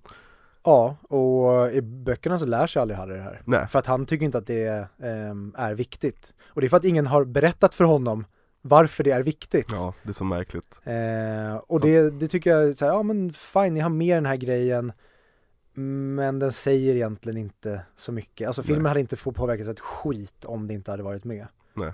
Men eh, ja, det enda det egentligen gör det är att vi får se in i eh, Snapes skalle. Ja, lite senare. Ja. Men ja. Eh, men eh, we, Arthur Weasley över, överlevde attacken och de firar jul på Grimwald Place. Ja, inte som på Sankt Mongos sjukhus som Nej, i och det, böckerna. är, det, det är typ min så här, ultimata saknade Harry Potter-scen. Att de skulle åka till just Sankt Mungos Mm. och träffa Gilderoy fucking Lockhart! Och även eh, Neville och eh, hans familj. Mm. För det hade varit väldigt, nu när vi ändå ska fyll, fylla den här serien, serien, filmen med så pass mycket onödigt, så att säga, som inte leder plotten framåt. Då kan du också ha med att de är mest liksom hjärtskärande ögonblicken i Harry Potter-serien. Mm. Ja, för det kan jag tycka kanske om man ska summera sista halvan av filmserien, det är ju att jag vill ju ha ondare. Jag vill, jag vill att saker ska göra mer ont. Jag vill ha mindre äventyr och mer mörkret och hopplösheten. Och mer liksom mörker och hopplöshet i, i texten snarare än det visue- visuella språket. Eh, exakt. För Alltså, den blir ju väldigt mörk och, och tragisk i det visuella språket Men det är glättigt för att det betyder ingenting för att det är inte så jättemörka saker vi hanterar i slutändan Precis. Men vi har ju även fått se ehm, eh, alltså Dumbledores armé när Ja, de har precis. sin, sitt första möte helt enkelt. Mm. Eh, och där får vi också se lite cringiga ögonblick och um, ja, där Hermione och Ron ska tävla mot varandra. Just det, ska och Ron. Ron säger att han lät henne attackera honom och ja, Hur det- kan Ron vara så cocky i en duell mot Hermione? Eh, men han är, han är kille så. Ja, men allt känns så himla barnsligt snarare. Det hade varit så coolt om de smög som de, de smyger ut från room of requirement. Att det känns som att åker vi fast nu är vi fucked. Det känns istället som att de gör någonting busigt. Ja, Det känns som att allting hela tiden är vi, vi gömmer oss från toktanten Umbridge istället för att vi gömmer oss från psykfallet Umbridge som kommer göra helt oproportionerligt onda saker mot oss om hon tar oss. det känns som att de inte ger några konsekvenser till, till Umbridge agerande för eleverna. Att ta till exempel när, när Dumbledores armé upptäcks och eh, Harry åker fast med det. Dumbledore tar på sig skulden, men Harry blir inte bestraffad på något sätt ändå. Nu kanske det inte är så i böckerna heller, men det känns som att Harry hade blivit relegerad där. Eller att fått något straff. Nu får okej, du forts- fortsätter på skolan. Vi, kan komma till, vi kommer komma tillbaka till Umbridge. För efter julledigheten så är Hagrid tillbaka. För Hagrid har varit, har varit borta hela filmen. Just det. Eh, han kommer tillbaka blåslagen och blodig och det visar sig att han har varit hos jättarna och försökt rekrytera dem.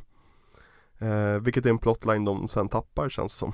Ja, den är helt onödig för filmseriens skull. Det är egentligen bara för att eh, vi ska ha någon slags upplägg för att Grawp är i skogen. Ja, jo men precis, exakt. Och sen så får vi se eh, breakoutet från Azkaban helt enkelt, när Bellatrix Lestrange introduceras. Hon var med och, och torterade Nevilles föräldrar.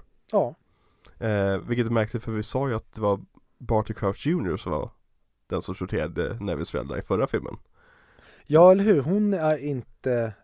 Fast det är hon. Ja, i böckerna är hon ju det. För då nämns hon ju redan i fjärde boken eh, och är med i den eh, scenen, eller det minnet. Mm.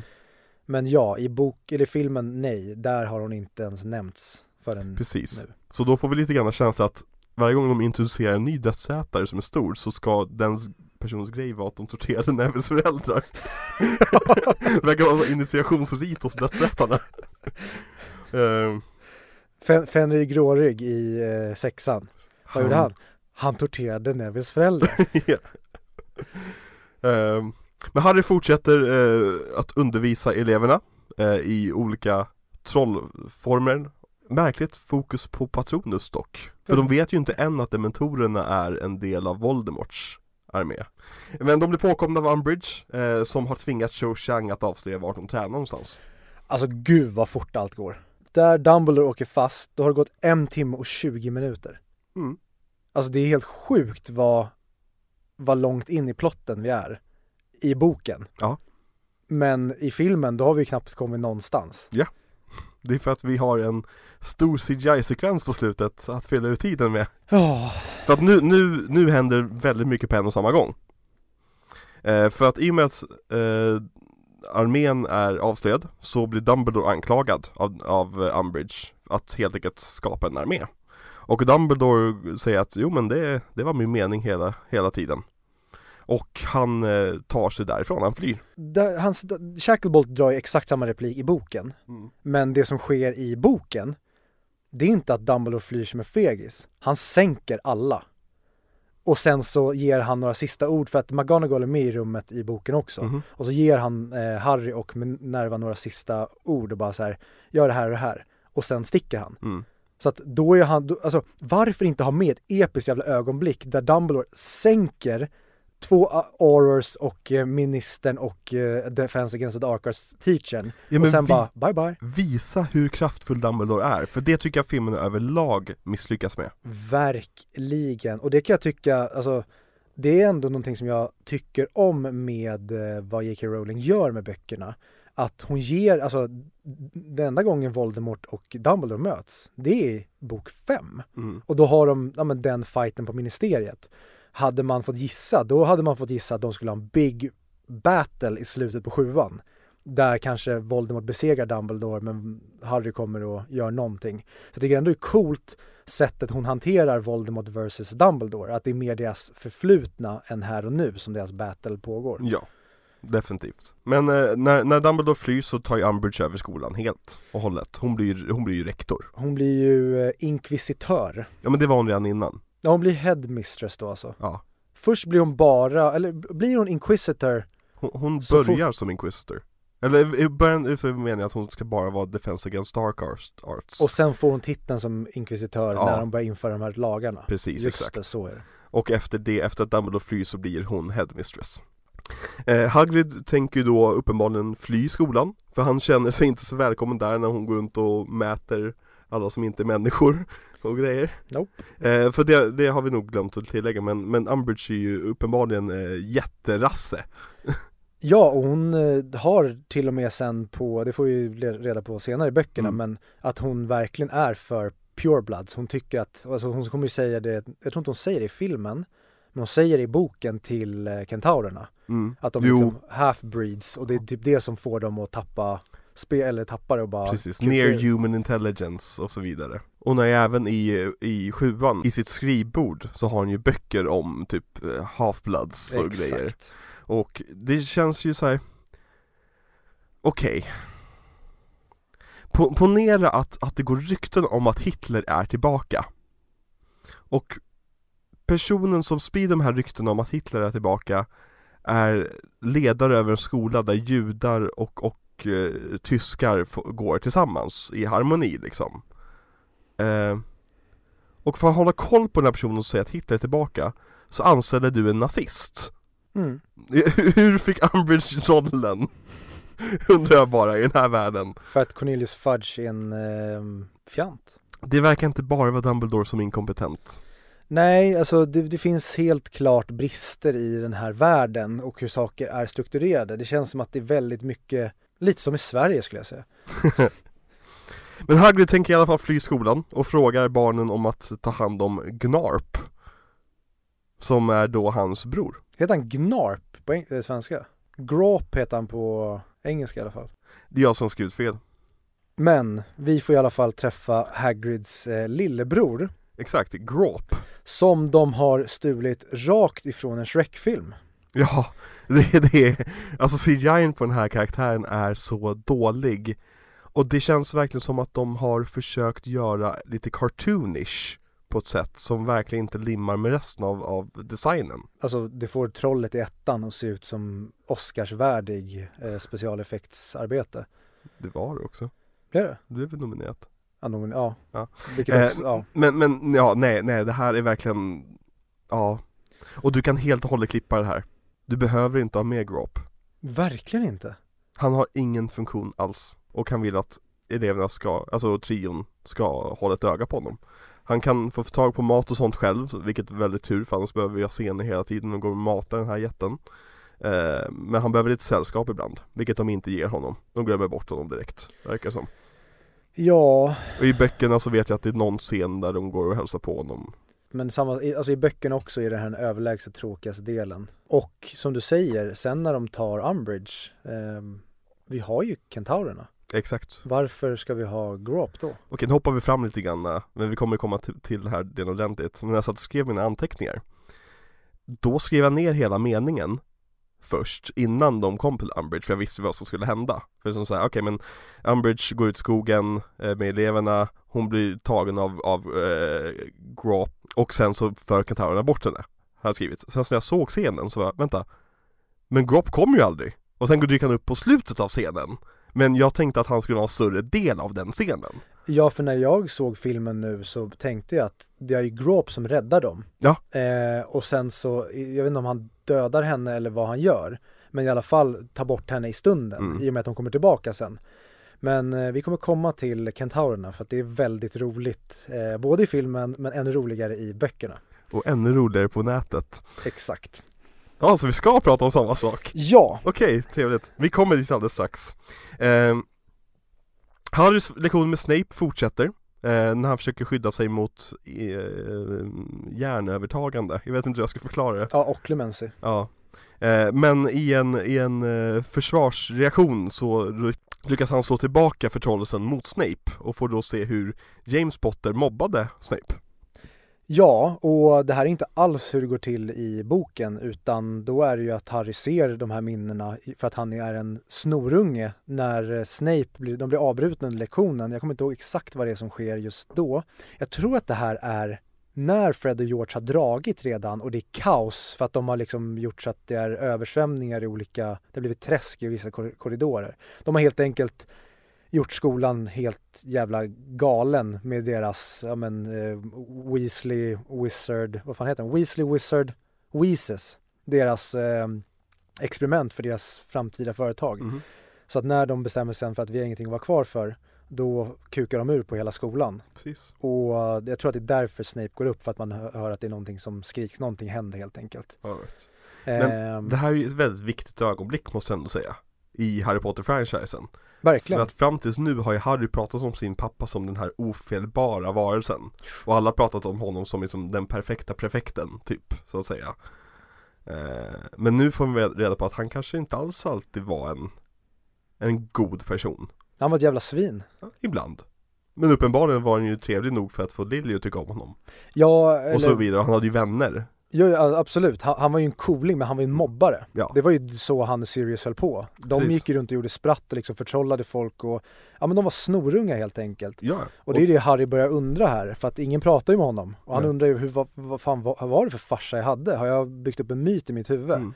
Men sen berättar ju Remus väl, har jag för mig att det är för honom, ehm, att ehm, Lily visst tyckte om honom men att de inte började dejta förrän i sista året på Hogwarts. Mm. Så att, eh, ja, återigen till en, en ungdoms, vad säger man, väldigt enkla bilder av saker mm. istället för att det kan vara både och. En person kan vara ett svin och sen kan den ändra sig eller den kan vara ett svin då och då och en bra person då och då. Precis.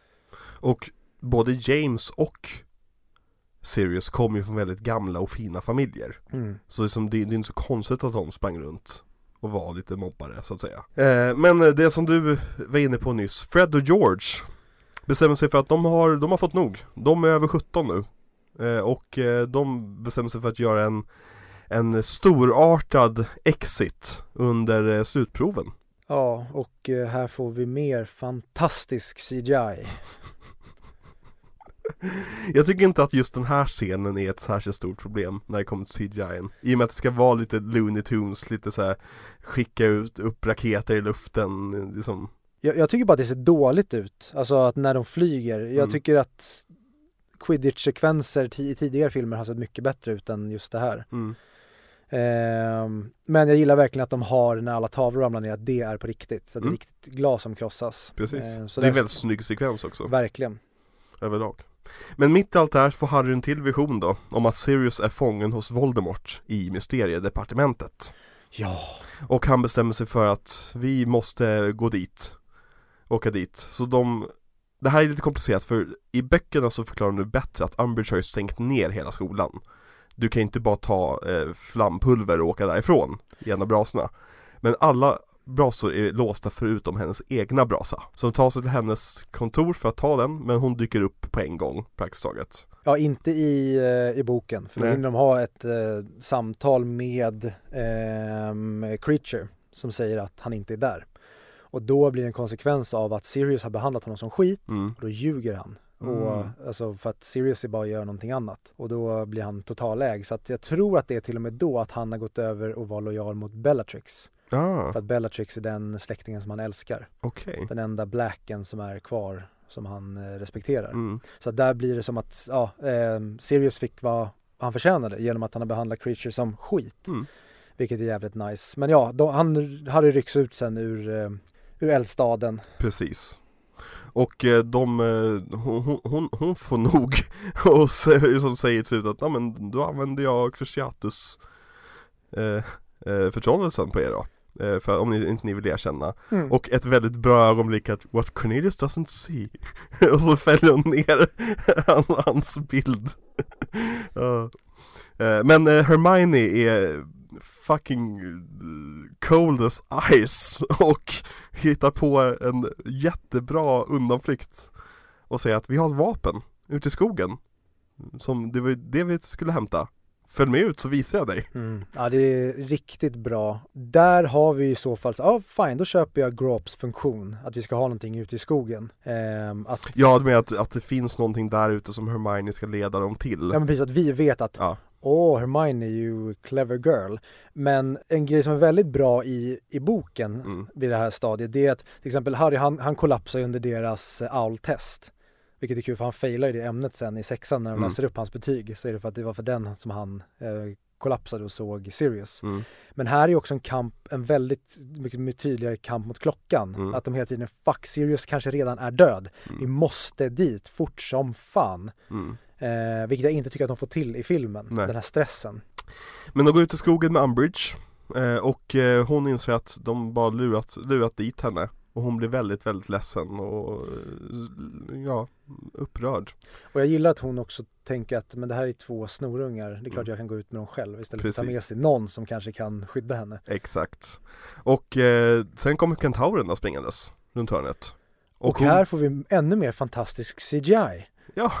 Men de är skuggor i alla fall så jag vet inte Men, men hon, hon börjar snacka skit om kentaurerna eh, Börjar säga att de har nearly magical, eh, nearly human intelligence och half-breeds och grejer och eh, En av dem avlossar en pil mot henne va?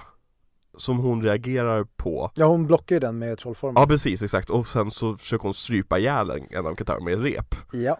Och då kommer Grop ja. och fångar upp henne Och kentaurerna för sen iväg henne Mm. Kentaurer, när det kommer till mytologiska djur, har oftast bara en funktion i alla de här grekiska sagorna.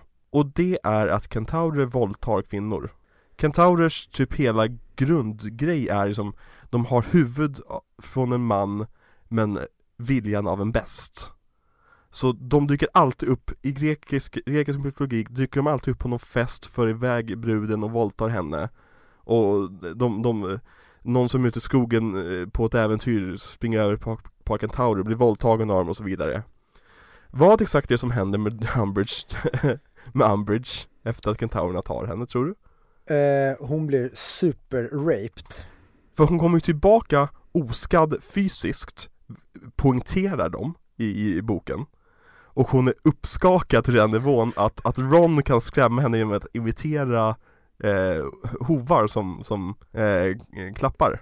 Ja, hon är eh, fucked i huvudet där Hon då. har ju varit, alltså ja Vilket återigen leder mig till, jävlas inte med Hermione Ja, hon är ju... Fast hon och ler när Umbridge blir borttagen och är det någon som vet allt om kentaurer så är det Hermione Mm, för Hermione börjar bli en riktig jävla savage här. Ja Hon Ja, har ju faktiskt sagt tidigare i filmen att det är ganska kul att bryta mot reglerna.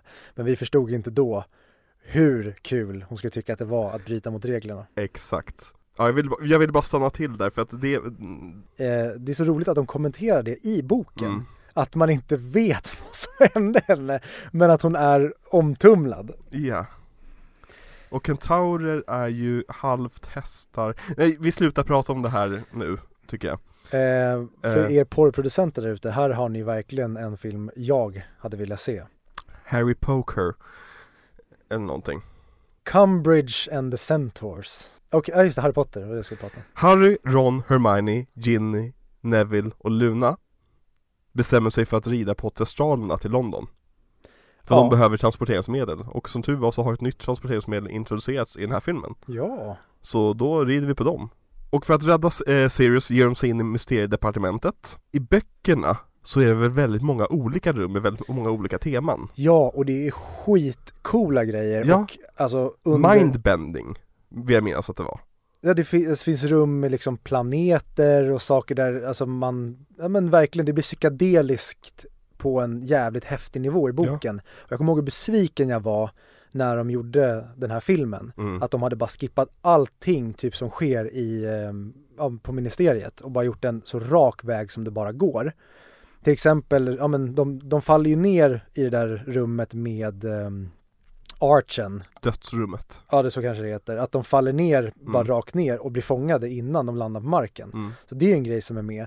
Men till exempel Ron, han, alltså de, de får så mycket stryk där inne så att de vet inte om alla överlever. Alltså det är Nej. verkligen lethal. Ron åker på någonting, jag kommer inte ihåg vad detaljen är, men så att han typ springer runt och är full under hela den sekvensen. Mm. För att han vet typ, han bara skrattar och är helt groggy. Ja men det, alltså, det, det är mer kaos i, i boken under det här, för att jag minns att när jag läste så var jag så förvirrad hela tiden och typ så här, man visste aldrig vem som, som säger, vem som har överlevt här. Ja, och det är mer liksom Matrix Reloaded, att de springer in och öppnar dörrar och så Ja. bara oj, här hamnar vi här, eller oj, den här dörren gick inte att öppna. Det är sannerligen ett mysteriedepartement. Ja, Men i, i filmen i alla fall så, ham- så går de in i eh, ett rum med väldigt många hyllor. Och där finns profetior. mm. Och nu Viktor, nu är det dags för dig att förklara det här med profetian, vad profetian säger, varför Voldemort vill åt den så mycket. vad säger man, det här är ju bara en, det är som ett minneskort av profetian. Och de har gjort att den enda som kan hämta profetian är den personen som profetian handlar om. Och sen kommer vi få reda på mycket, mycket mer backstory om att profetian gjordes till Albus. Men det är Harry som måste hämta den, eller Voldemort. Men Voldemort vill ju inte dyka upp på ministeriet för att det kan ju avslöja honom. Så då gör han den här väldigt komplicerade planen att locka dit Harry istället. Eh, så att han ska ta profetian åt honom. Och dyker sen upp på ministeriet. Precis. Ja, fortsätt. Det vi också får veta är ju att profetian är ju ingenting som kommer att ske. Utan det är någonting som den som kan ske. Men man kan fortfarande avvika från att det kommer att ske. Det här är bara om du uppfyller vissa delar så kommer vissa förutsättningar att läggas. Som till exempel, hade, för att Voldemort har inte hört hela profetian. Han har bara hört delen om att det är en pojke född den här tiden som eh, kommer vara den som förgör mörkrets herre. Och sen så kommer det bli tydligare sen att det är, fan nu kommer jag ihåg de här detaljerna så jävla mycket sämre, men de pratar ju mycket om det här i slutet. Men anywho så visar det sig i slutändan, vill jag minnas i boken, att det här var helt onödigt för att det säger ingenting för att Vol- eller Dumbledore vet redan profetian. Han har fått höra hela profetian från professor Trelawney. Och det är anledningen till varför hon jobbar där.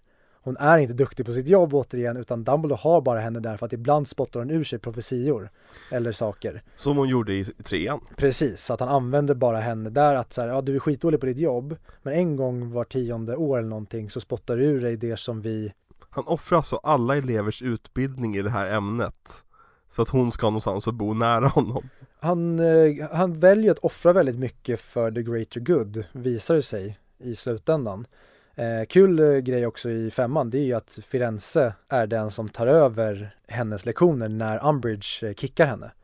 För att inom någon paragraf står det att eh, ministeriet ska tillsätta en egen lärare Mhm, om inte rektorn har en egen kandidat som är passande att ta över. okej. Då presenterar han Firenze så att han äger Umbridge där också. Ah, Men Firenze är den som tar över spådomskonst och eh, sen i sexan så delar de på ämnet. Just det! Det är helt glömt bort. Men till exempel, ja det kommer det, de, Firenze delar med sig av grejer som är helt irrelevanta för Ja. filmen och storyn men som, ja, yes. Men, men okej, jag- varför vill Voldemort ha profetian då? Anledningen varför jag frågar så mycket om det här och varför jag pressar dig på ett svar är för att det är det här filmen handlar om. Och Ja. jag har inget klart svar riktigt för mig, även fast jag har sett den hundra gånger. Ja, alltså ur filmperspektiv så tänker jag för att profetian kommer tala om allting Voldemort behöver veta för att besegra Harry. Men det Och- gjorde det inte i slutändan. Nej, är det att Voldemort har förstått att han inte har tagit del av hela profetian? Det är det här som är det roliga egentligen med den här filmen, tycker jag. Att vi spenderar så mycket tid på fluff, att fluffet blir det som blir intressant med filmen. När storyn och liksom huvudplotlinen inte betyder någonting alls i slutändan. Förutom konsekvenserna som kommer från den. När de kommer fram till hyllorna där de såg i visionen att Sirius låg halvdöd så finns ingen Sirius där. Och minns att de har blivit lurade. Mm. Eh, och Lucius Malfoy dyker upp och säger ge mig profetian och Harry säger nej och ja, och så dyker Bellatrix Lestrange Lestrange upp och barnen kämpar sig igenom en armé av dödsätare helt enkelt. Och eh, Ginny är väldigt bra på Reducto. De blir juntra, ju, juntragade, runtjagade inne på mi- ministeriet och hamnar inne i dödsrummet då. Där den stora CGI-fighten händer då. Ja, men vi får ju inte glömma att eh, här väljer David Yates att förändra förutsättningarna för hela världen genom att göra så att dödsätarna kan flyga. Men det gjorde de i fyran också Och jag tror att han såg den effekten och tänkte Men om de kan göra det där, då borde de kunna göra det hela tiden Då kom de väl bara till platsen? Ja, med svart rök. Jo men då blir det väl mer som en liksom Jo men han, jag tycker han, han utvecklar ju ett koncept som redan är initierat Men det är ett idiotiskt koncept som inte borde intresserats på det sättet kanske. Jag tycker inte att det är, utan för i fyran då tycker jag bara det är en snygg effekt att, alltså disapparata, att de bara teleporterar sig dit. Det tror jag nog är meningen också, men jag tror Ja. att David Yates tänkte att det här är en, en, en aktiv magi som de utför, att de flyger dit faktiskt Och då kan David Yates dra åt helvete för att en väldigt stor grej i sjuans bok, det är när de flyger från ehm, Private Drive. Det är att Voldemort dyker upp och kan flyga och de ser det som en väldigt big deal att shit, han behöver inte ens en kvast längre. Nej. Han kan flyga all by himself. Men här talar de om att det kan tydligen alla göra. Även Fenixorden kan flyga, Ja. men de har ju vita spår när de flyger runt Precis, att det ska vara tydligt för oss vilka som är onda och vilka som är goda. Över, överlag så har jag inte jag någonting jättemot, jättemycket emot den här scenen För att de står i ett rum som är rätt väl realiserat och väl geografierat liksom Med en tydlig liksom, praktisk bit i mitten så att säga Och hoppar runt och gör sina trollkonster och grejer och sen så kommer ett ett ögonblick i boken som jag blev otroligt förvirrad över men som i filmen är jättetydligt för att de spelled it out for you. Och det är när Bellatrix Lestrange dödar Sirius Black. För att i filmen så säger hon, dödar hon honom med en Avada Kedavra. Men han dör inte på en gång tydligen Utan han stapplar bakåt in genom det här stora valvet som står mitt i rummet. Eh, I boken så är det mycket mer med valvet. Att det är en mystisk plats som de dras till och att det är liksom den andra sidan som kallar på en där inne och Sirius blir innockad i valvet. En liten skitdetalj egentligen, men som jag bara minns att det var en ett så chockerande ögonblick i boken. Att det var så här, vänta, vänta, va? vad hände precis? Dog Sirius? I filmen så, så är det så här, Avada Kedavra! Liksom, det blir, man är inte i samma mindset som Harry. Nej. Utan man är med på noterna vad som kommer hända och vad som händer. Medan i boken så kom det från ingenstans. Ja, och som du säger, Harry vet inte om att Sirius har dött för han säger till sig själv Nej men han är ju på andra sidan bara. Om jag Mm. går runt archen, då är ju han där. Precis. Han har ju bara ramlat igenom den. Men det och var han inte. PPPPP. Då um, blir Harry arg. Ja, och springer efter Bellatrix. Och eh, försöker använda Cruciatus-cursen på honom, henne. Men han menar inte riktigt, så det funkar inte. Förutom att hon ramlar ihop. Eh, och då dyker ju både Voldemort och Dumbledore upp. Passande nog. Ja, och ska slåss. Och, Och- det här utspelar sig ju väldigt mycket precis som i boken. Mm. Eh, nästan till och med samma trollformler med att det blir eld och vatten Mm som skyddar. Det enda som de ändrar på, det är ju den bedrövligt regisserade, vi kanske ska gå igenom fighten, jag vet inte vad du pratar om, men det är ju när Voldemort tar sig in i Harry. Det var precis det jag skulle komma till, att Harry blir besatt av Voldemort Men lyckas kämpa sig igenom det Och där klipper de in de märkligaste bilder på, på Ray Fine som står framför någon så här flygande bakgrund och gör och grejer Och det är det är en av de absolut sämsta sekvenserna i hela Harry Potter-filmerna och hela Harrys tal mot Voldemort känns knappt Nej, och det är inte med i boken. Nej, Utan i boken så är det bara helt plötsligt att eh, Voldemort lyckas inte eh, med det han försöker göra på Harry mm, och drar sig därifrån Mm. för att det är någonting han inte förstår sig på. mm, Han bara liksom, pff, oj, shit. Och återigen, här finns det friendship och love. mm. Men vi behöver inte Harry som berättar det för publiken att aj, han stoppar in den, eller ja, han drar ner sina byxor. Oh, oj, han är inne i mig nu. Men han har inte vänskap. Så att det är lugnt, jag får inga könssjukdomar. Bara, I pity you Ja, Ja, och hur bara Harry ser ut där och hur han, alltså snälla David Yates, ta in en koreograf som kan koreografera hur någon som är i smärta, alltså ser ut när den är i smärta på film. Det Mm. kanske är så här någon ser ut när den är i smärta, men det funkar inte på film när en, alltså Daniel Radcliffe ligger och ser ut som att han, men typ har, håller inne en stor jävla korv som bara är på väg att trycka sig ut. Jag har tänkt på en sak i också de senare Harry Potter-filmerna. Daniel Radcliffe, ingen bra fysisk skådis. Nej. Han går jättekonstigt. Och han, han rör sig konstigt. Och han, han känns hela tiden medveten om att han är på kamera. Han är en bra emotionell skådis och levererar repliker och så vidare men, men det är någonting märkligt med honom. Sen så vet jag också att han hade ju alkoholproblem nu vid det här laget. Just det, det har vi inte ens pratat om. Nej vi har inte, vi har inte ens gått in på, på hur barnen mår vid det här laget, men, men de är väl rätt De har väl haft den mest ovanliga upp, uppväxten i världshistorien Vid det här laget, och de, de Ja, alla hanterar det på olika sätt, Rupert Grint köpte en, en glassbil eh, Danny Radcliffe började supa Och ryktet säger, och vad han själv har sagt har jag för mig Är att han var ju full i vissa scener. Och han kan nu efterhand kolla på filmerna och säga ja, ah, i den här scenen var jag full, och den här scenen var jag full. Och jag tycker att det märks lite grann, speciellt i eh, sexan. Ja, och där ska han ju typ även spela full. Ja, fast inte i den scenen dock. Där, där. Nej, kanske inte. Ministeriet dyker upp och lyckas se Voldemort innan han drar. Och här, och just det, det här var inne på i fyran också.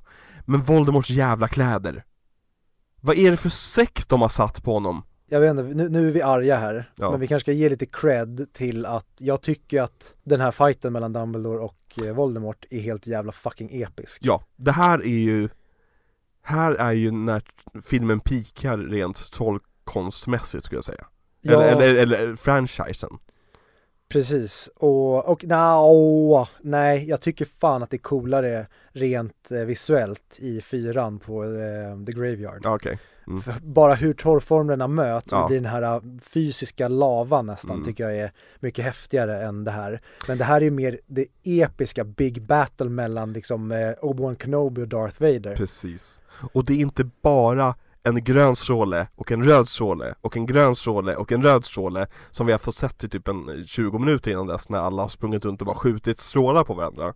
Utan vi får faktiskt se olika trollkonster här. Med som glaset som splittras som faller ner, som han använder som projektil Som, eh, som Dumbledore räddar genom att göra till sand och så vidare. Det är väldigt mycket, om du minns Infinity War, när Doctor Strange och eh, Thanos slåss mot varandra när de skickar eh, typ mirror dimension mot varandra som blir till fjärilar och eh, hans armar kommer ut på baksidan och Det är väldigt mycket det här fram och tillbaka som, som är väldigt, väldigt snyggt när det kommer till magi Mm. och magiker slåss mot varandra Cornelius Fudge kommer in och säger He's back! Och sanningen kommer ut om att Voldemort faktiskt är tillbaka Och filmen rundar väl egentligen med att Dumbledore förklarar för Harry att anledningen till att han hade ghostat honom under året Det är för att göra Voldemort mindre sugen på att använda Harry För att liksom se, kolla igenom, använda honom som periskop Och det är det Ja det är verkligen det. Alltså den här filmen springer förbi och då menar jag inte på ett bra sätt utan det är mer bara så här, vänta, va? Stopp! Nej, va? Ja, nej men det är ju verkligen en film som Den har det svåra jobbet att adaptera den längsta boken Som är längst på grund av att den är fylld, fylld av väldigt mycket fluff Men tyvärr så kan du inte bara göra en film fylld av fluff Utan du måste försöka hitta någon sån här tematisk linje genom filmen Och det tycker jag inte att filmen gör överhuvudtaget jag tycker att, jag tycker att den, den misslyckas genom, den skapar sig ett extra uppdrag och misslyckas med det. Ja, men, och där återigen till min respekt för eh, Goblet of Fire. Att okej, här har vi väldigt mycket. Ska vi fokusera på huvuduppdraget och skära bort allt fluff och så får vi ta oss lite friheter för att få det att funka dramaturgiskt här. Eller ska vi göra det fluffigt? Och det känns som att den här filmen, den kan inte bestämma sig. Nej. Den vill ha kakan och äta den också. Jag respekterar sexan mer, för att den, den linar in i fluffet. Och liksom erkänner någonstans att den är fluff. Vi har inte kommit dit än. Nej, vi kommer prata om sexan nästa vecka. Men, eh, vad skulle, okej, vem skulle du säga är- MVP i den här filmen? Umbridge utan konkurrens. För jag tycker inte att någon annan är bra. Det, Alltså nu, nej, för Voldemort har på sig Harrys kläder och kostym och är någon konstig så här, musikvideo eh, sekvens när han åker genom någon bergs och han ser ut att vara med i Madonna-video från 90-talet. Verkligen, tänk att bara klippa in Like a Virgin eller liksom, Ray of light är det ju. Quicker than a ray of... Bingolotto syns. vad sa du? Bingolotto syns i den, i den videon. Den är regisserad av en, av en svensk, har för mig. Säkert eh, Jonas Åkerlund. Det kan du skriva upp och sätta dig på tänkte jag säga Ja. vad, vad är Voldemorts grej i den här filmen? Han, han vill ha, okej så här, om vi ska vara krassa då. Hela den här filmens plott det är att Voldemort vill ha profetian för att där har han ett vapen, eller han, han ur hans synvinkel, där får han veta hela profetian som han då har struntat i att lyssna på när den när han hade möjlighet första gången. Mm. Han lyssnade på början och sen bara, ah, okej det är Potter som jag ska döda, så drog han. Eh, så det är så Dumbledore förklarar det. Och den här tror han då att han kommer få reda på någonting mer som förklarar hur han då inte ska misslyckas ytterligare en gång att döda Harry. Ja, Då undrar jag, var det inte det han fattade i med fyran? blodet Vad sa du? Med blodet Nej men precis att nu är våran, nu kan jag röra dig, mm. men då var det trollstavarna som failade. Att då var det ju att de hade samma Ja eh, Det känns hela tiden som att det är nya saker som skyddar Harry Precis, hur som helst. Voldemort vill ha profetian för att han tror att den kan berätta för honom hur han ska bli av med den här jobbiga snorungen helt enkelt. Som han är helt besatt av också Okej Vi tar upp Hitler igen Tänk dig att du var nazist på 40-talet med Hitler och du var en del av hans ar- armé och SA och alltihopa Och sen så förgörs Hitler eh, På grund av, jag vill säga att det är en persons, en persons fel, en, en, en, en liten judisk pojke som, som lyckas döda Hitler, jada, jada. Hitler kommer sen tillbaka efter 20 år Men Hitlers enda jävla fokus är på att döda den där pojken istället för att starta fjärde riket Varför, varför har vi typ ingen scen där dödsätarna dödar Voldemort på grund av sluta fokusera på pojkjäveln i slutändan? Jag tycker Voldemorts fokus är väldigt barnsligt och han, slut, alltid slutar med att han anfaller skolan som han gick på när han var 11 Men i slutändan så han, alltså för att världen tar han ju över. Så det, det projektet lyckas ju. Han tar ju över ministeriet och det pratar de även om i böckerna att men varför kommer inte, varför kommer inte Voldemort ut? Då är det så här, men det är bättre att han styr det utan att han Mm. ens behöver agera för att det sköter sig åt honom utan att han behöver säga att nu är det Lord Voldemorts eh, ministerie utan det är skitbra att jag har mina egna eh, soldater. Men är inte det anti-Voldemorts karaktär? Jo men det kommer väl sen att det är bättre att sprida sig Och sen säga att det var jag Ja, Jag har precis, och styrt hela livet i tio år nu Precis, sen är det bara som att han rycker, alla så här, alla tar av sig kläderna. Oj, alla var klädda i McDonalds-kläder. Det här är nu McDonalds. Ja okej, ja, ja, eh, men he- hela hans personliga vendetta, det är ju för att han vill ju bli odödlig. ja, Och Harry är ju den som stoppar honom från att bli odödlig. Så att han vill ju sätta, alltså det är den enda som kan hota honom har det visat sig. Han var Mm. den enda som har stoppat honom. Och därför blir det ju personligt och barnsligt och väldigt ondskefullt att jag kommer fan, jag kommer inte kunna fokusera på det jag ska göra förrän den här jävla fittan är ur vägen. Alltså fatta, okej Voldemorts plan Han kämpar i, i, i 11 år på att kunna återuppliva sig från de döda Lyckas med det! Han lyckas med det här omöjliga som ingen annan på planeten någonsin har lyckats med Han lyckas återvända från de döda Och så lever han i typ tre år till och blir dödad på samma, av samma unge igen Stackars sata egentligen Men det, det tycker jag är samtidigt någonting, vi kommer också komma in på det här mer och mer ju djupare in i det hela vi kommer nu.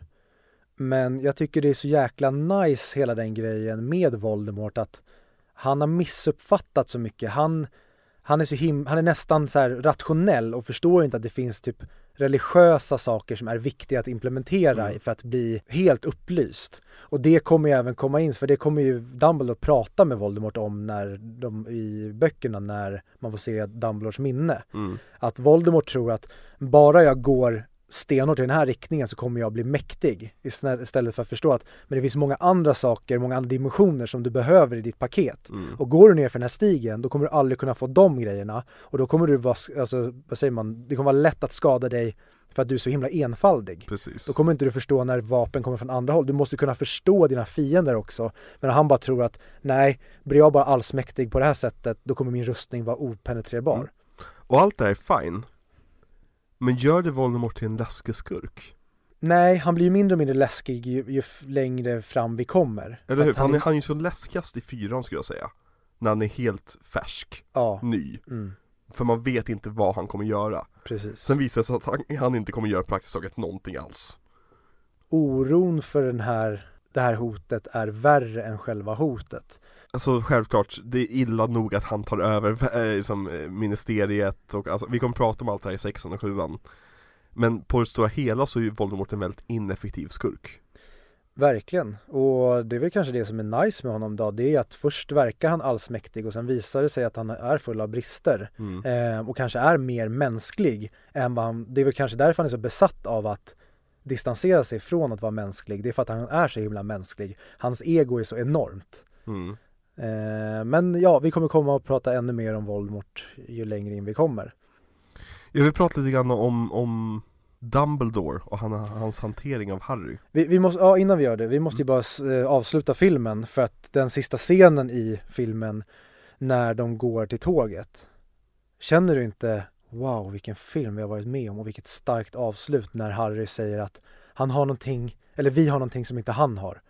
Och så går de förbi kameran och så ser vi massa vänner. Det är nästan som att Harry Potter-filmerna själva ångrade den, den där slutscenen För att sexan börjar ju tillbaka i ministeriet sen Och det, det jag minns av slutet på femmans bok Det är inte vad tur att vi har varandra Utan Sirius är död! Ja, alltså det är här vi verkligen ska känna att okej, Det här är ju Empire Strikes Back det borde vara det. Ja, För boken är verkligen det. ja, Alltså, och sen så blir det Empire Strikes Back 2 med sexan. ja För då, och sen, ja men går vi verkligen ner i skiten nu för bok för bok. Men här känns det verkligen som att vi klarar det. Hoppet finns. Bara, nej, det är inte där. Nu ska vi rakt ner i skiten. Precis. Så att när vi sen besegrar ondskan i slutet, då ska det kännas som att vi var vid en punkt där, där ingen trodde på någonting. Ja men in, inte bara vi, vi klarade det Ni är personligt ansvariga för det här som hände Det är på grund av er som Sirius är död Ja.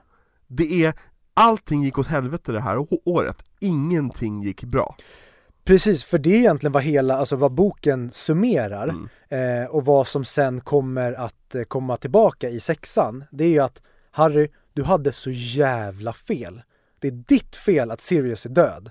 Du blev totallurad av Voldemort, drog med dig dina polare till ministeriet helt i onödan och det gjorde att den enda personen du haft som eh, förälder dog helt i onödan. Ja, Det enda som det här gjorde, det var att världen blev varse om att Voldemort är tillbaka. precis Men du fuckade upp big, big fucking time. mm. Och det kommer få konsekvenser för nästa bok. Vilket inte alls får konsekvenser i filmerna Nej.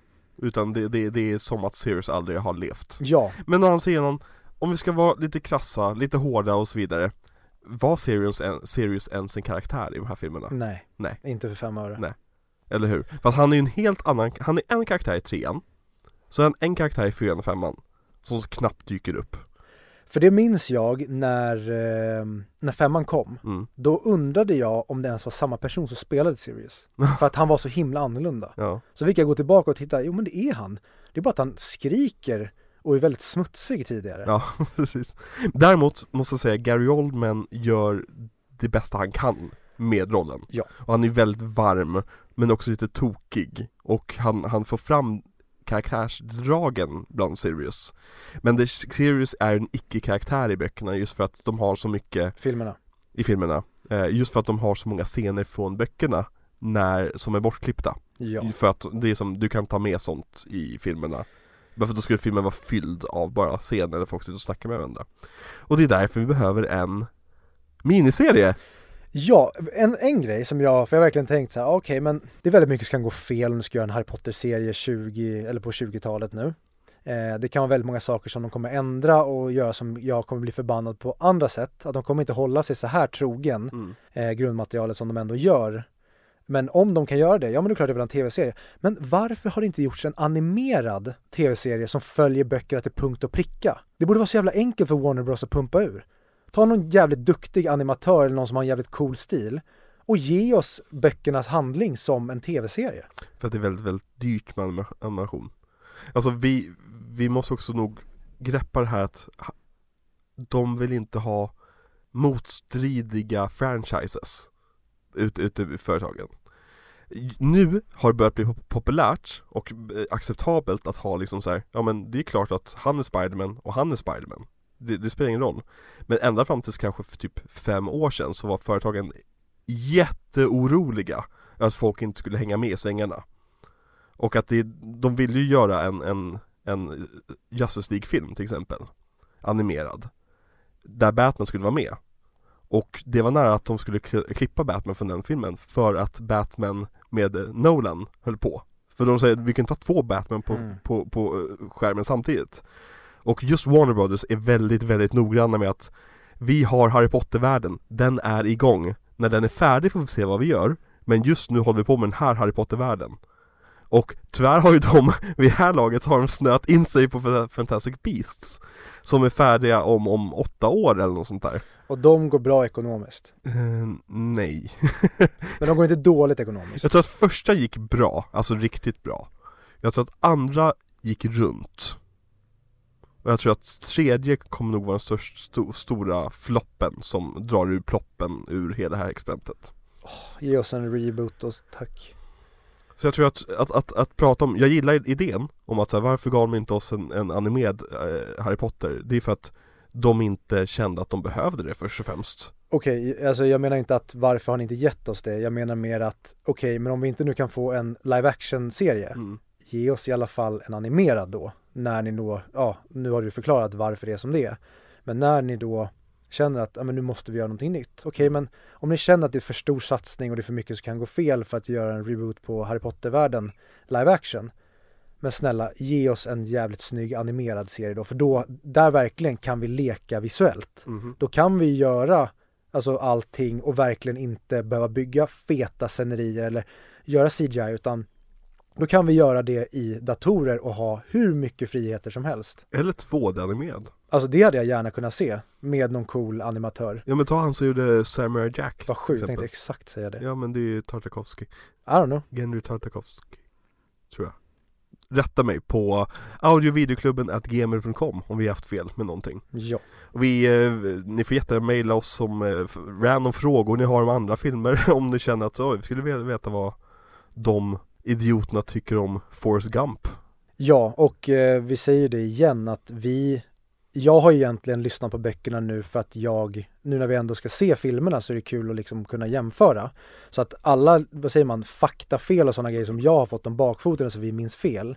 Det är ju inte meningen att det ska vara så. Vi kommer inte sitta och läsa bakgrundsmaterialet förmodligen till kommande filmserier vi tar oss an utan Nej. det här är mer som en bonusgrej för oss själva för att det är kul att jämföra för att vi har en förkärlek till böckerna. Precis. Utan vi ska egentligen prata om filmerna utifrån ett filmperspektiv. Ja. Nu blir det en lite speciell start. Ja, och med, i och med att Harry Potter är ju så Vår relation till Harry Potter har ju väldigt mycket präglats av att jämföra med böckerna För att de kom samtidigt. Och vi läser dem samtidigt och liksom det, det, vi har alltid haft den relationen.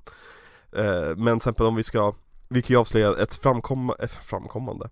Ett framtid, En framtida miniserie som vi tänkte du köra Marvel till exempel. Och då kommer inte jag tvinga Viktor att läsa Iron Man-serier i flera veckor innan och så vidare. Du tänker tvinga mig att läsa Batman? För att han är The Avenger? Precis, exakt. Eller visst var det så? För Spiderman och Batman, de är ju syskon. Exakt. Och det här är varför vi ska köra Marvel. För att jag kan ingenting. Du upptäckte ju typ Marvel och superhjältar tillsammans. Ändå. Gjorde Ja, typ Spiderman 1 2002 Men så vi såg väl uh, Spiderman Animated Series innan? Och ja, även. Batman Animated Series. Ja men precis, exakt. Så liksom, det finns ju alltid, det är kul ändå att vi gick olika vägar liksom från den starten. Mm. Vem skulle du säga är, vad, tyck, vad tyckte du om musiken i den här filmen? Tänkte du alls på den? Ja, och jag stör mig som fan på det temat, det här Weasley-temat.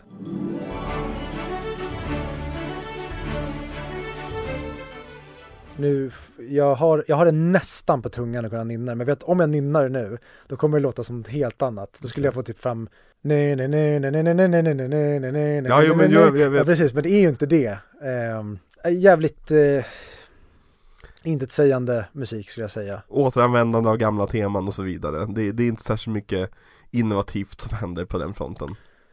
Nej. Nej. Hur, hur filmen filmad tycker du? Jag, jag gillar den här visuella stilen, jag gillar, jag, jag kommer komma till det när vi pratar sexan sen. Jag tycker mm. väldigt mycket om framförallt sexan när de typ tar bort all färg. Mm. Typ som i grottan i eh, sexan när det typ är svartvitt. Mm. Jag tycker det är skitcoolt att de, de verkligen nu kompenserar de med att göra det glättigare men Mm. rent visuellt tycker jag det är skitcoolt när det blir så här verkligen mörkt. Ja. Och det måste jag säga, om, nu har vi pratat väldigt mycket skit om David Yates Men jag tycker verkligen att han, han eh, lyckas på ett väldigt lätt sätt hitta en enhetlig känsla i stilen över de här sista Harry Potter-filmerna De känns verkligen som en del av samma serie Vilket Harry Potter-filmerna har haft lite problem med tidigare Ehm, Och jag gillar verkligen hur han Hur han gör de här små ögonblicken kan man säga. Eh, han, han är lite lekfull ibland med, med eh, tagningar och, och kameraåkningar och så vidare. Det känns som att han tycker verkligen att det här är kul att göra. Mm. Ehm, Så det, det, det ska vi ge ett stort plus till honom för. Ja och man kan säga så här, det, det här är ändå en, en helt okej adaption med tanke på att det känns inte som någon hade hört om honom tidigare och han kommer in i det här stadiet av filmserien. Men det är en jättedålig film tycker jag för att den inte funkar som film och den funkar inte som adaptering av grundmaterialet. Nej, Men det är fortfarande bättre än om du tar typ eh, Hobbit femherrarslaget som har både tid och pengar men gör liksom någonting mycket, mycket, mycket värre. Mm. Den här kraschar aldrig. Det är Nej. bara det att jag tycker aldrig att den flyger. Den, det Nej. känns bara egentligen som att eh, det här är min boken, här kommer det. Det här är min boken, det här kommer det. Och så bara är det en presentation av scener Mm. och liksom saker som ska ske snarare än att här har vi en första akt, en andra akt, en tredje akt och vi måste följa den här typen av melodi. Vi ska ha den här typen av tempo där, vi ska ha lite den här typen av tempo där. Det känns inte som att han har skrivit en låt här. Det känns som att han bara egentligen presenterar, han bara rappar igenom typ och ibland så helt plötsligt får han in lite melodi i rappen Mm. men det är inte tillräckligt mycket för att det ska bli sång och ibland så är det bara rakt av och Harry går på skolan och där träffar han Hermione och de gör det där. exakt. Men det känns som att han behövde den här filmen för att bli varm i kläderna För att jag tycker att allt det där gör han så mycket bättre i sexan Det var precis dit jag skulle komma, att när vi pratar om sexan sen så tycker jag att där märks det att det är mycket mer eh, mogen i fel ord, men den eh, David Yates var mycket varmare i kläderna. Ja, verkligen Jag håller med dig Så det är synd kanske att han fick börja med den här filmen men samtidigt Det här är det svåraste uppdraget när det kommer till Harry Potter-franchisen Ja, och därför är det synd att de kanske inte då på något sätt, ja men fan kör, om de hade på något sätt, nu vet inte jag vad bakgrunden är, men fan kör Mike Newell en gång till. Eh, eller övertala Chris Columbus att komma tillbaka en sista gång och göra Mm. den här filmen. Men samtidigt, ska då David Yates få sin första film i sexan? Det kanske hade blivit ännu värre. Det kanske var bra att de tog Ja. det här och det kanske var bra att de inte tog David Yates redan i fyran, för då kanske fyran hade blivit en pannkaka. För sexan har ju en viktigare funktion i den stora plotten så att säga än vad den här filmen har Ja, det- verkligen. Den här filmen Utöver att Sirius dör, om vi lägger till att Sirius dog i en hjärtattack Och ersätter resten av filmen med orden Sirius dog i en hjärtattack Så kan man klippa bort hela den här filmen Ja. Och, och att- typ, min, nej, nej Inte ens det här med att ministeriet inte tror på Voldemort, för de tror på Voldemort i slutet av boken Vilket borde varit den naturliga upplösningen på fyran Ja, för jag tänkte säga att man kunde ha en scen i början där han säger He's not back! Och sen så står det Sirius dör i en hjärtattack och sen så säger Cornelius Fudge He's back! Och sen är filmen slut. Exakt Men ja, den ger oss inte egentligen någonting alls i eh, story. Den tar inte storyn vidare på något sätt. Lite av ett, vad, vad ger du den? 2,5 va? Ja men två och en halv av fem ändå, för jag tycker ändå att det här Fan vad svårt. Den är, den är dålig, Mm. skulle jag säga. Hittills den sämsta by miles. Mhm. Men den är fortfarande inte usel, för då jämför jag Nej. återigen med Hobbit eller Ja. det finns andra som är rena haverin och det är inte den här filmen. Det är bara det jag tycker att det är den sämsta Harry Potter-filmen hittills. Så att eh, två och en halv av fem, den, den, den är godkänd sett till vad den ändå ska avhandla och förutsättningar och så vidare. Jag, jag, jag- jag, är inte så arg på den som jag låter. Men jag tycker inte att det, det är ingen bra film. Alltså grundpaketet är ju alltid kompetent när det kommer till Harry Potter Ja, Det är det, de, alltså det går ju typ inte att göra en dålig Harry Potter-film nej. eh, Jag tror jag också satte 2,5 av 5 På den här Och i mina ögon så är det här nog den sämsta Harry Potter-filmen Hmm. Om man inte räknar in Fantastic Beast-filmerna Intressant, för vi har inte kommit till den sämsta än enligt mig. Men... eh, Åttan? Eller sexan, Sexan? eller sjuan. Hmm. Spännande Får vi se helt enkelt. Men jag vill tacka alla lyssnare för att ni har tagit igenom er två och en halv timme av Eller vad det nu är eh, Vi klipper ju ner de här avsnitten Två timmar plus i alla fall. Ja, två timmar plus av snack om eh, Fenixorden Och ni kan ju alltid kontakta oss på audiovideoklubben gmail.com Mm. Och även på sociala medier under, Audio videoklubben. jaha På Twitter, Audio videoklubben. Facebook, Audio videoklubben. Instagram Audio videoklubben. Och så har vi också en Patreon Där man kan, om man nu skulle vilja Skulle man kunna skänka en liten slant till oss varje månad eh, Till priset av en kaffe eller något sånt där eh, Och som tack för, för din, eh, din donation så får du lite extra material Som till exempel, eh, ja Fantastic Beasts tänkte vi prata om där Ja, och det, när, när det här släpps, vi vet inte än om, ehm, om vi har spelat in de DVD-kommentarerna. Nej. Men vi ska göra det. Eh, framförallt, vi kommer definitivt köra Fantastic Beast 1 och eh, jag tror att vi även kommer bli tvungna att köra tvåan. Alltså jag vill ju se dig reagera på tvåan det, Ettan bryr jag mig inte så mycket om för den är rätt oskyldig och, och som ofarlig Tvåan är ju en bananas film Ja, men ettan var, är den enda filmen typ jag har stängt av. Så det, blir, det blir ännu så roligare att därför vi måste köra ettan Ja. och i och med att du säger att tvåan är Nej, så här lovar jag att vi kommer köra ettan och tvåan Precis, och de kommer dyka upp på Patreon då. Och vi kommer även göra mycket sånt här som vi sa i förra avsnittet. Där kommer jag även berätta historien om Gizmo i grå- överrock som Alex inte vill att jag berättar för att den skulle eventuellt kunna göra så att jag blir av med ehm, vad heter det? Eller att jag, jag blir av Alltså nu ger du för mycket information, folk kommer extrapolera ur den här datan och tänka att du har våldtagit en hund eller något Om det ändå vore så milt. Ja, verkligen Nej, nej men alltså, på Patreon kommer vi släppa lite, lite roligt, lite, lite inte så allvarligt, vi kanske tar med oss mikrofon när vi är ute och har sett en ny biofilm och så spelar vi in det i bilfärden hem En liten eh, snack Det kan vara verkligen allting vi tänker på som inte är en del av de här miniserierna Jag tänkte dra, det kommer bli audiovideoklubben Unplugged. Ja men typ ja. Buttplugged. Buttplug Audio-videoklubben After Hours Audio-video eh, nattklubben i Berlin. Där, du, du är tvungen att sabba dig och lägga till i Berlin. Jo men det måste vara hårt. Audio-video-nattklubben, jag tyckte om det. Det kan vi kalla på Patreon. Så det, det, det är dit ni får komma och så ser ni mig vara uppspänd med klammor i nippelsen och elchocker medan jag berättar sjuka grejer jag gjort i min ungdom. Precis, och, och Alex sitter i hörnet och lyssnar på Beatles och pratar om varför Revolver är den bästa plattan som någonsin gjorts Ja, Lite sånt smått och gott helt enkelt. Eh, Och vi har även en liten överraskning för nästa års jul har vi planerat också. Vi ska sluta prata om vår Patreon, vi, vi, vi är inte Smultronstället, vi är inte eh, vi är inte alla andra poddar. Nej, exakt, exakt. Eh, Fast det där lät väldigt pretentiöst. Vi är inte som alla andra poddar. Vi är mycket, mycket, mycket mer äkta. Mhm, Mycket mer Är det du vill säga att vi tar inte betalt för podden. Vi tar bara betalt, eller vad säger jag? Vi tar inte betalt för någonting egentligen utan vill ni ge oss en liten schysst slant om Ja. det så är 10 spänn eller 1000 spänn eller vad fan Mm. ni nu vill så kommer ni även få lite gott i gott för det. Ja men det är så här, egentligen det enda som krävs för att få det gott i gottiga, nu gick vi in på det i alla fall igen Det, det, är, det är att man är en del av Patreonen eh, Ja. Och om du, så, om du så donerar en dollar i månaden eller om du donerar 10 000 dollar i månaden Så kommer du fortfarande få samma material för det är inte tanken att du köper det här materialet av oss Det, det är någonting vi bjuder på som tack för att du väljer att stödja podden Eh, men, men vi måste släppa, vi kan, jag, jag mår så illa av att sitta och prata om Patreonen just nu Jag med. eh, Så vi eh, gör så här att vi tackar så mycket för oss och nästa vecka, vad är det för film då? Då är det Harry Potter och den halvblodiga prinsen. Fy fan vad äckligt Ja, och Ja. spoiler alert, men det är professor Snappe. Nu skjuter någon här utanför Ja, eh, vi måste ta hand om det här. Det är gängkrig på gång. Yes, eh, men eh, vi hörs nästa vecka Det gör vi. Hej då Adjö.